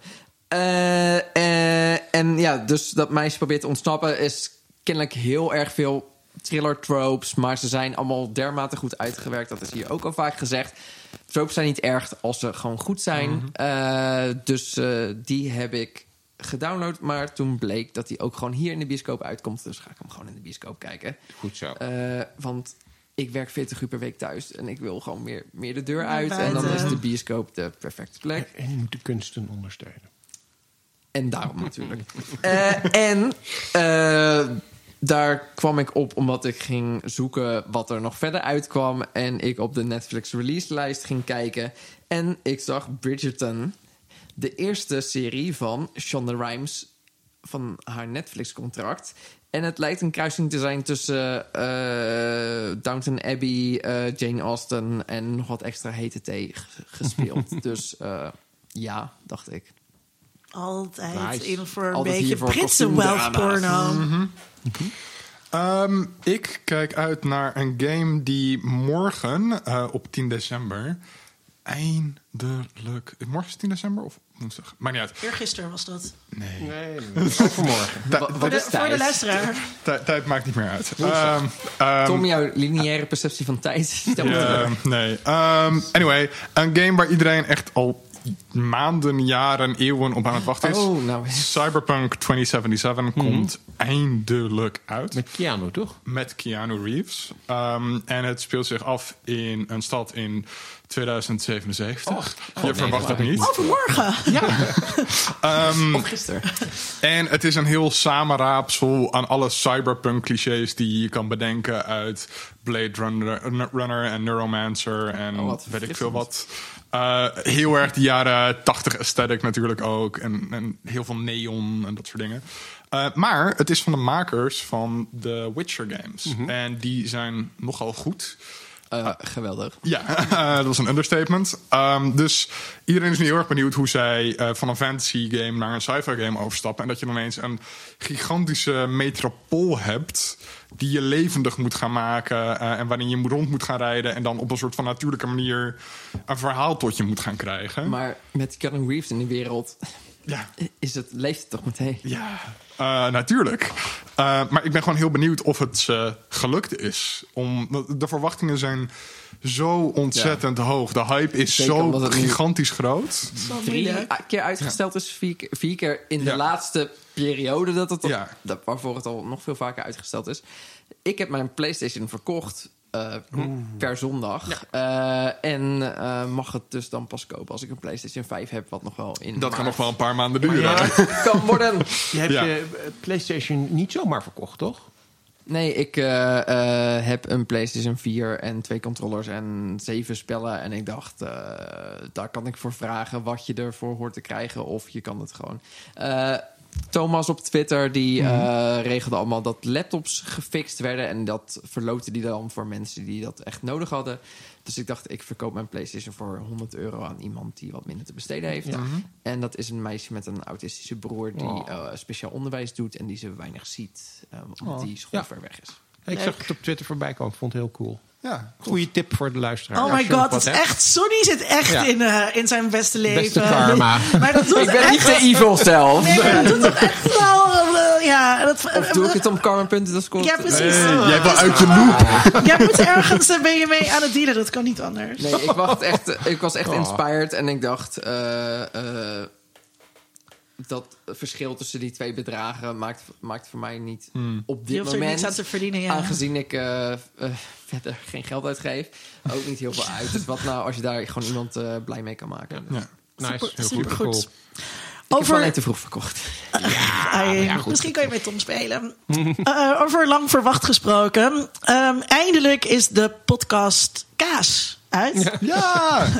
Eh, eh, toch zeker een jaar of vier, denk ik, in de making. En waar gaat het over? Eh, Je verwacht het niet, maar... Je verwacht het niet. Eh, het is een eh, podcast van eh, onder andere Lieve Heremans eh, over kaas. Voor mensen die al ehm, die van kaas houden, maar nog meer over kaas te weten willen komen. Ik heb de eerste aflevering nu geluisterd en ik wou alleen maar al die kazen proeven. Ik miste dat echt, want ik zat op de fiets te luisteren. En ik zat alleen maar met alle kaas van... Ja, je hebt een beetje dat romige en deze gistcultuur. Dus shoedele shoezel, weet je wel? Ja, Ja. dan zit je alleen maar van... Oh, mijn god, geef me een bord kaas. Ja, dus ik ga dat ook. ik, Ga, ik, ik ga, niet van kaas. dus, eh, dan is dit, is dit niet jouw ding. Nee. Ja, mensen zeiden altijd, "Huh, hoe kom je uit Zeeland? Je houdt niet van vis en je houdt niet van kaas. Wat gebe- is er gebeurd? En ik zei, ja, Maar het is echt een in je leven. Mossels lust ik ook niet. Voor mij is, kaas wel echt. Dat, ja, het, le- het leven is wel beter omdat er kaas bestaat. jonge Ja. kaas kan ik waarderen. En eh het kan niet ouder dan dat. Maar en je het kunt kan ook niet anders dan Je dat. kunt het ook leren. Een van mijn Ja, beste ligt- vrienden. niet- een van mijn niet beste alle vrienden. kazen. Eh, een van mijn beste vrienden. Ik weet nog dat hij. met de- toen hij voor het eerst. Toen hij net met zijn huidige vriendin was. zei hij: Ja, ik had lekker kaasjes voor haar gehaald. Lekker Belpe S bij de Albert Heijn. en Lief en ik waren echt dat we bijna stikten. in, in, in onze highbrow kaas. dat gewoon. Ja, nee, dat is, dat, is, dat is geen kaas. En hij eet inmiddels ook blauwe kaas. Dus hij heeft wel echt een heel traject. Oh, maar eh, dat is de gegaan. enige kaas die ik lust. Die van eh, Albert Oh. Heijn. S, ja. Maar het, is, het is geen kaas. Is gewoon een soort. Ja. Want we waren in de bioscoop nog. En dan mag je tegenwoordig dus je eigen flessen wijn en, Mhm. eh, en blokjes kaas en dergelijke meenemen. En ik kan je vertellen dat de ervaring een stuk leuker is meteen. Oh ja? Ja. Oh, dus je kan met kefkaas naar Dus de. als jullie naar Freaky en Monster Hunter gaan, dan kan je gewoon een fles wijn meenemen en alle blokjes kaas die je wilt. Nee, maar gewoon lekker. Nou, dan gaan misschien mensen klagen van de geur, maar Ja. Maar kaas moet geuren, anders is het geen. Anders is het Belpaes. Of anders is het, wat zei ik ook weer? ehm niet Plastic. Belpaes. ehm nou, eh, eh, zo'n Port Salut. Oh, Port Salut was het. Belpaes hebben ze hem niet bij de Albert Heijn. Port Salut. Och. Oké, dus eh, luister die podcast. Eerste aflevering met Joël Broekaert. Heel leuk ook over hoe je goed ehm, proeft. En ook een hele leuke reportage erin met een soort geitenboer in Friesland. Eh, die helemaal tegen de regels van de EU in kaas aan het maken is. Maar het is wel grappig. Eerst, eerst deed ze onderzoek naar kanker. Geen grap. Ze deed onderzoek. Ze was al bezig met wetenschappelijk onderzoek naar kanker. En, toen, en dan zegt ze letterlijk in die podcast: Ja, ik was ook maar gewoon onderzoek aan het doen naar kanker. En ik dacht, ik moet wat betekenisvol met mijn leven doen. Dat geiten gaan waar heeft de wereld meer aan? Terwijl wij natuurlijk altijd binnen de mediawetenschap zeggen... ja, het is niet alsof we onderzoek doen naar kanker. maar zij deed onderzoek naar kanker. En nog dacht ze, ik ga houden... om lekkere shimmershoedelzoezel te maken. Ehm, er, zijn En wat meer, waardeer jij meer? er zijn meerdere kaaspodcasts... dus je moet even goed, eh, goed opletten in je, in je search. Eh, en daarnaast kijk ik eh, uit... Een beetje huiverig, maar de recensies zijn verbazingwekkend goed. Ehm, de eh, remake, revival, rebangling van ehm, Saved by the Bell. Ja. Oh. Die, ja, die, Met, die eh, had ik gedeeld, ja, die Rotten Tomato score. Ja. Eh, Met iedereen, behalve Screech. behalve Screw, ja. Ja, dat heeft reden. Ehm, ik, eh, ik heb... Die is eh, pornoacteur geworden, toch?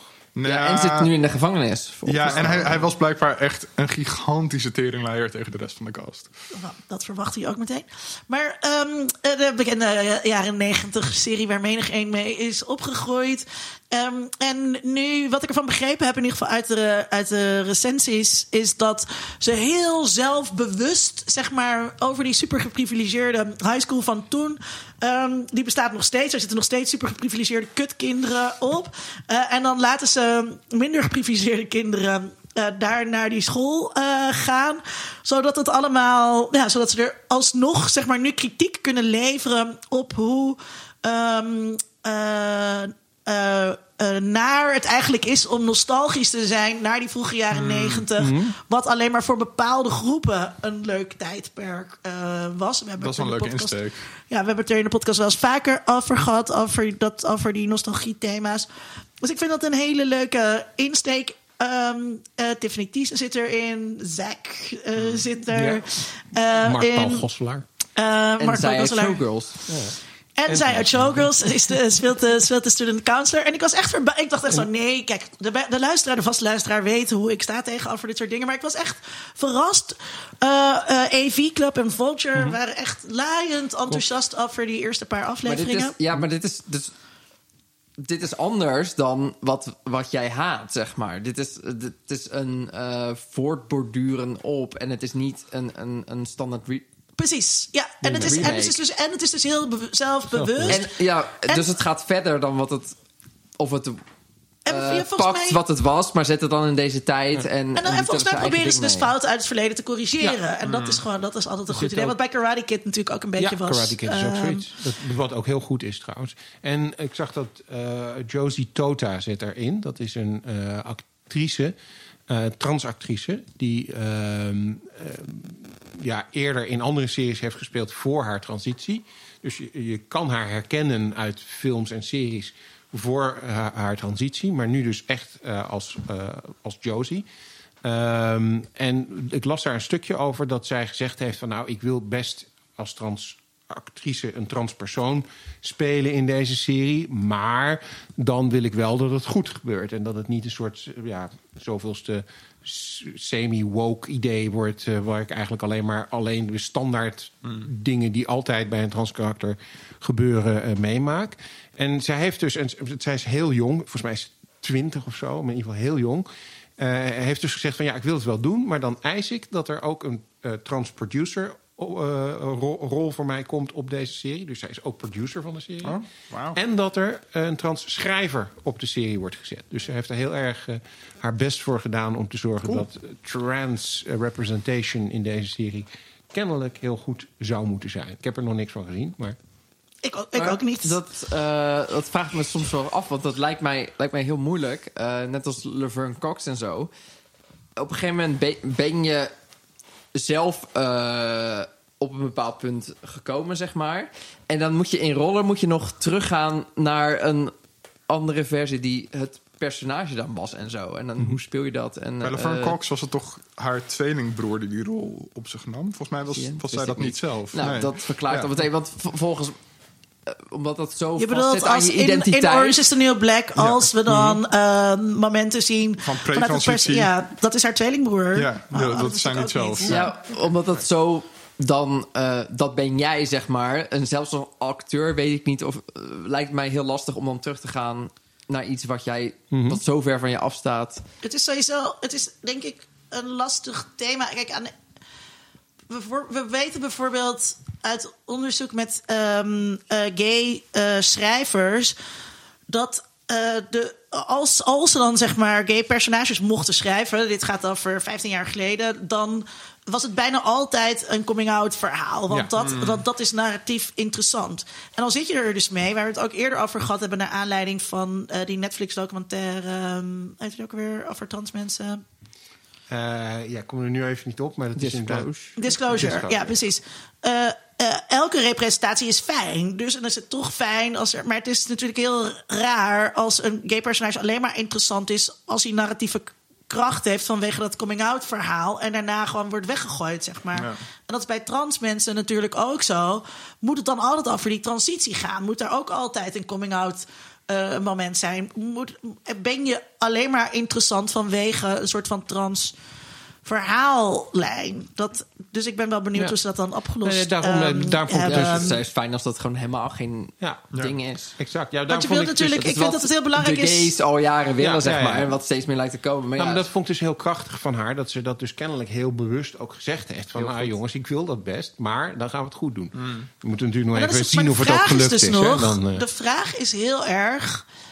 Ik vind representatie, maar daar kan ik uren vol lullen, is een, is een eh, best wel boring concept. En mensen leggen te veel nadruk op representatie. Mm. De vraag is, wat is goede representatie? Dus dat. Dat gaan we zien. Maar goed, ehm, die, serie, die serie eh, is op eh, Peacock. Dat kan je hier niet krijgen. Dat is een streamingdienst van NBC. Dus lekker downloaden. 25 november zijn eh, tien afleveringen gedropt. Ik, eh, ik wil zoveel dingen. eh, ik ben een beetje af van het, eh, eh, de illegaliteit, zeg maar. En ik wil zoveel dingen. eh, eh, wil ik best voor betalen. En ik betaal ook heel veel aan eh, eh, Netflix, Disney, Videoland. Oh nee, dat Apple TV. trouwens. Apple TV. Nee, dat zit bij mijn telefoonabonnement. Maar weet je, als, als HBO Max er is, weet je, ik wil er best wel, als ik het met een paar mensen deel, wil ik het wel hebben. Maar zorg gewoon dat we die dingen Dat ook legaal zijn. kunnen Ja. zien. Want eh, als ik was vroeger, ik downloadde alles. Weet je, als ik die stap kan maken, dan kunnen nog veel meer mensen dat. En uiteindelijk eh, is het beter voor iedereen als iedereen betaalt voor content. Zeker. Ja, want anders dan, anders dan komt er geen nieuwe content meer als niemand eh, meer betaalt. Nou ja, maar ja, aan de andere kant, eh, die, miljard, nog die, even een boom over opzetten.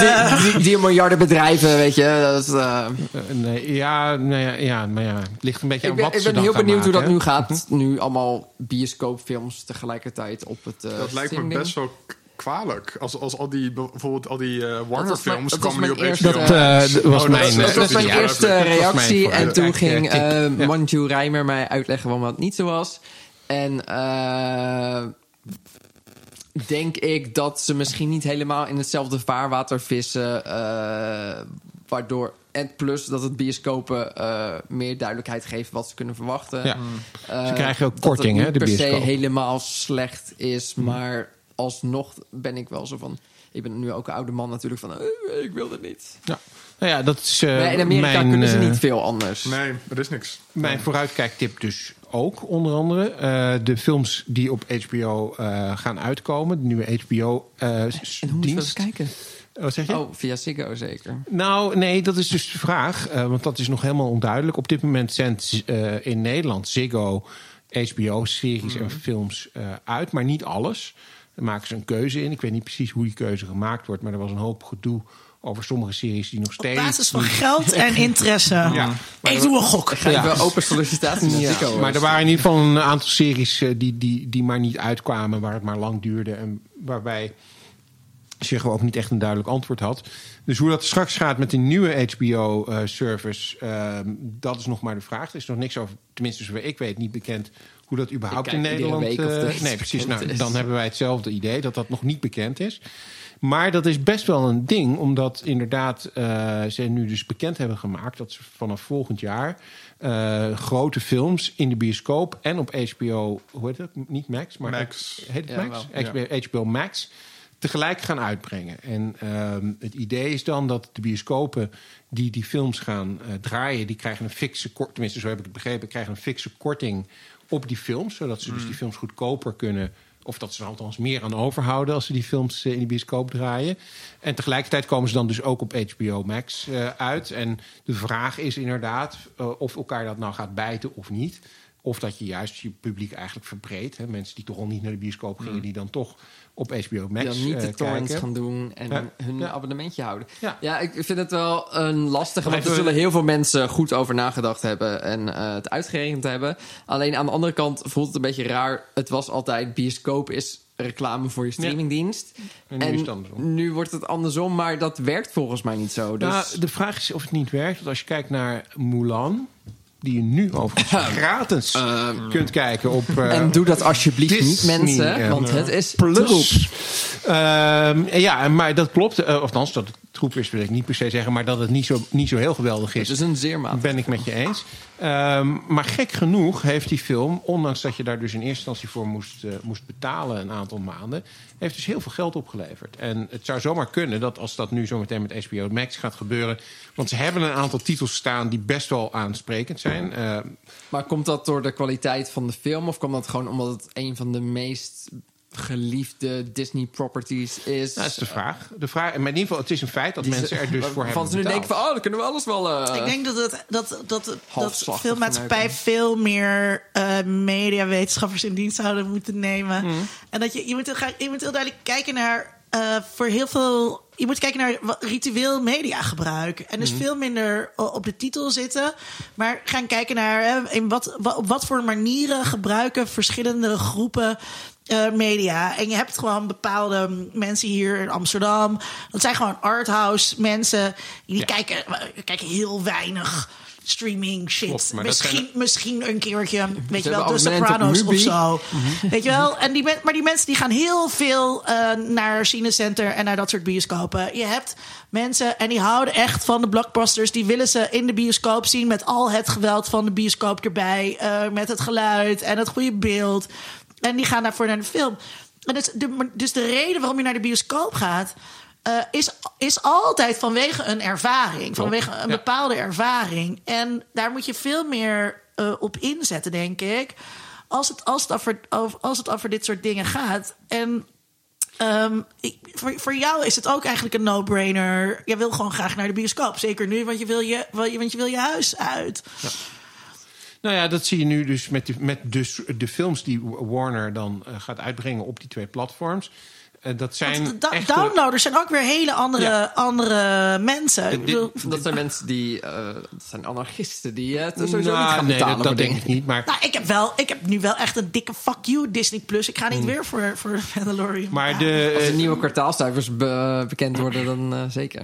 eh, dat, dat zijn dus films zoals eh, Wonder Woman, Kong vs. Godzilla, eh The Matrix 4 en June. eh, onder andere, er komen er nog veel meer. Maar eh, dit zijn dus een aantal van de films die ze dus tegelijkertijd in de bioscoop Maar het zijn allemaal de Matrix me- 4. Daarvoor gaan we toch naar de bioscoop? Dat bedoel ik. Dat, is wil toch ik, een dat- Nou, dat is, dat is precies ik ga daarvoor naar de bioscoop en daarna download ik hem een keer. En daarna ga ik hem ook nog een keertje waarschijnlijk bij Netflix in mijn betaalde abonnement En daarna. Ja. maken jullie een aflevering daarover. En maken we eraf. precies, even. en maak ik maar gratis dat is reclame dus, voor ik die denk dat het dus eh, de, dat, dat, daar zo- dat, dat het, de gedachte erachter is, en dat kan ik me eigenlijk wel voorstellen, eh, precies wat Sonny zegt: van nou ja, er zijn mensen die nu downloaden, maar die het helemaal niet zo erg zouden vinden om daarvoor te betalen. Er zijn mensen die eh, graag naar de bioscoop gaan. Nou, daarom worden ze dus ook in de bioscoop uitgebracht. En allebei die groepen bedien je nu door het op deze manier te doen. Dus ik, het zou wel eens een heel slim concept kunnen zijn. Maar we moeten het volgend jaar zien of het, of Je het moet werkt. veel meer denken in termen van en en en niet Ja, in dat- termen maar van doen ze ja, dus ook, alleen het- ik had het dan toch fijn gevonden als er dan nog iets van tijd tussen zat. Zeg maar. Dus je hebt drie weken bioscoop en dan komt hij op de streamingdienst. Je wil je toch wel even speciaal voelen dat je dan die eerste drie weken... dat jij een van de Hey, ik eerste had niet bent voor die niks een paté en een Cineviel pas. Uh, nou, die heb je niet meer nodig Cineviel straks. opgezegd. Want uh, ja, Wie wil Met- er met- nu met een een lokale theater patépas? steunen? met wat er nu draait. eh, ja, maar al mijn vrienden hebben paté passen. Ook al heeft de helft het ook Ah. opgezegd. Ah. Ehm, om nog af en toe met iemand samen naar de film te gaan, moest ik de paté pas houden. Heb je deze aflevering geluisterd en wil je graag met Sonny naar Naar de film Ed Ja. Sonny Kemkus? Nou, de andere waar ik naar, naar, naar vooruit keek eh, is eh, Black Mirror Death to 2020.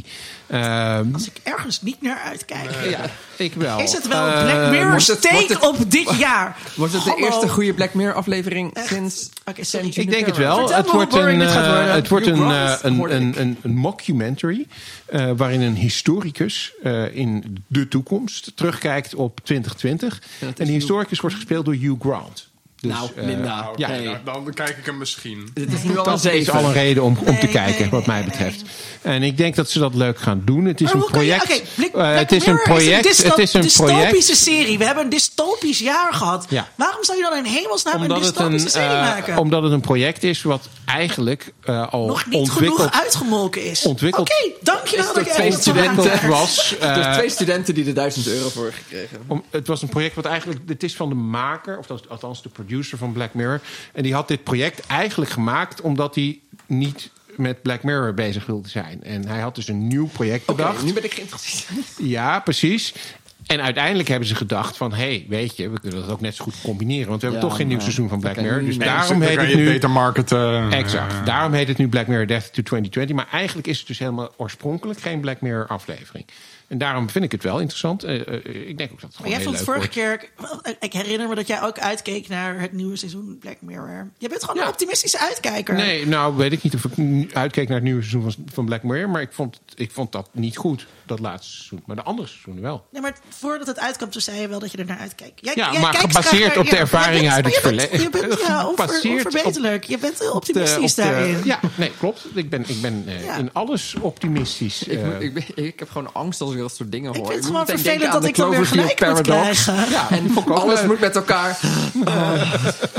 ja, dat, was, dat, was, dat is mijn nachtmerrie. Dat is van als alles met elkaar te maken moet hebben, zeg maar. Dat is Mhm. Ja, maar die Black Mirror afleveringen hebben niks met elkaar te maken. Nee, maar het valt allemaal onder dezelfde paraplu. En moet daar heel geforceerd onder hangen.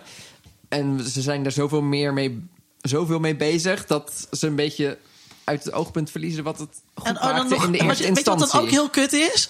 Dan komt er weer een student aanzetten met... Ja, dat zat ook in een Black Mirror aflevering. Ja, nou. En dan zeg jij. Oh, kill me echt. Oh, wat diep van je. Oké, Bernadette. Uh, dus we waren klaar voor de volgende les. Nee hoor, studenten. Ik hou van jullie allemaal. Allemaal. Ze luisteren allemaal. Bernadette. En ze luisteren allemaal de podcast verplicht. Dat is ook leuk. Ja, ook Is dat. wel. Sorry, Bernadette. Het heet nooit Bernadette. zal vastgesteld Er zal vast één Bernadette ooit tussen hebben gezeten. Tessa Nou. en Tim. Tessa, mocht je luisteren, eh, dan eh, hopen we dat je de volgende aflevering nog steeds luistert. Want dit was aflevering, en nou ga ik het eh, toch maar zeggen, Kom maar met je grap. Kom maar met je grap. D66. Wil je misschien wat reclame maken? nee, helemaal niet. Stem ook Helemaal niet. nummer 18. Ehm, Mag wel hoor. Nee, nee, nee, dat, dat is nog Ben je te veel. D66-lid en luister je dit? Wanneer is dat de stem omhoog eh, gebeuren? Dat is al Dat is al gebeurd. gebeurd. Dat is Ja, gebeurd. ja, dat is al En op welke gebeurd. plek sta je nu? Ik sta op plek 18. En je stond op dus plek 18. eh, ik stond op plek 18. Ik ben op plek 18 gebleven. Maar er zijn ook een heleboel eh, stijgers en, en vooral heel veel dalers geweest. Dus ik was blij met mijn je bent- je eh, bent blij hele dat je vast hebt standvastige kunnen houden, ja. plek op 18 als, als nieuwe binnenkomer. Is dat vrij hoog in de top 20. Eh, dus daar was ik heel trots eh, op en nog steeds. En, eh, Ben je nou eh, Wil je stemmer in, en wil je op D66 wil jij in waarom je dat zou Waarom zou je dat wil doen? je dat? Nou jij- zit niet op de enige Dus- reden waarom ik kan bedenken. Ja, nou wil je dezelfde positieve blik op de wereld als ik op alle films en series heb. Ja, dan moet je op 17 En maart wil je dat de advocatuur in Ja, Nederland niet gesloopt wordt door VVD-mensen? Precies. Dat. Koop mijn boek. ook dat. Dat mag Vond je ons leuk? En eh, eh, ook als je Tessa heet, wil je ons dan liken en eh, aanraden bij je vrienden, vriendinnen, opa's, oma's, kennissen. Iedereen eh, die je tegenkomt op straat op anderhalve meter afstand. Vertel eh, dat je eh, de podcast luistert en dat zij dat ook moeten doen. Ja. Ehm, we hebben voor mensen die het zo leuk vinden dat ze ons eerder willen kunnen horen dan anderen, ook nog de mogelijkheid om Patreon te worden. Eh, dat kun je doen door eh, geld aan ons te geven. Eh, en dat gewoon via een, een, een linkje. Wat een concept. je mag ons ook gewoon altijd als je op ons tegenkomt, mag je ons ook altijd geld Gewoon geven. duim gewoon een vijfje in de hand, ben ik heel blij. random iemand hebt geschreven. Luister, die dingen. Ja, Die komt ons en dan tegen. kom je Geef ons wel geld. gooi geld, gooi geen enkel probleem. Schreeuw dan eerst Patreon en dan gooi je... Leg het neer en dan kunnen wij het oppakken. Maar als je dus inderdaad eh, meer waar voor je geld wil hebben, ja, dan moet je het even via Patreon doen. Want dan mag je je aflevering eh, die wij eh, maken, de, eh, mag je dan eerder luisteren. En als je graag zou willen dat je naam zelfs tijdens, eh, of nou ja, eigenlijk aan het einde van onze aflevering genoemd wordt, Zeg maar nu. zeg maar nu. Eh, dan kan je net als Rona Bosman en Mark de Groot eh 10 euro per maand geven. En dan zal je je naam altijd hier terug horen. De eeuwig wederkerende vermelding. En dan zijn we je ook heel erg dankbaar. Eh zei al, dit was, eh, dit was onze aflevering van vandaag. Eh, je kunt hem gewoon terugluisteren voor de nog betere Groundhog Day Experience. Ehm, en we kijken uit naar de volgende keer. Want de volgende keer zitten wij hier, de volgende keer, met Nasha, Natasha Fileers. En met Natasha Fileers gaan we Ook samen alweer over Bill Murray praten. ook over Bill Murray praten. Oh, zij heeft een andere mening dan eh, ik over Bill Murray. Oh, dat is het nu. Is een cliffhanger. En, cliffhanger. en het wordt een eenzame kerst met Natasha. Nee. Dat, is, dat klinkt niet... Dat klinkt heel raar. dat is echt lullig. Oké, ik heb echt nare dingen net gezegd over Bernadette. Maar dit is gewoon lullig. Nee. We kennen Natasha. Ja, ja, natuurlijk kennen we we Natasha. gaan het hebben over We gaan het een hebben eenzame over kerst. eenzame We gaan, kerst. we gaan het hebben over eenzame kerst, zodat niemand van onze luisteraars... Eenzaam hoeft. En ook Natasha Filiers ja, niet precies. Eenzaam is met de kerst. Juist. Warmte. Ja. Warmte, Lekker warm liefde. samen geeken. Ja, En een kerstboom die je halve kamer in beslag neemt. onder andere. Dit was Kiki Dingen.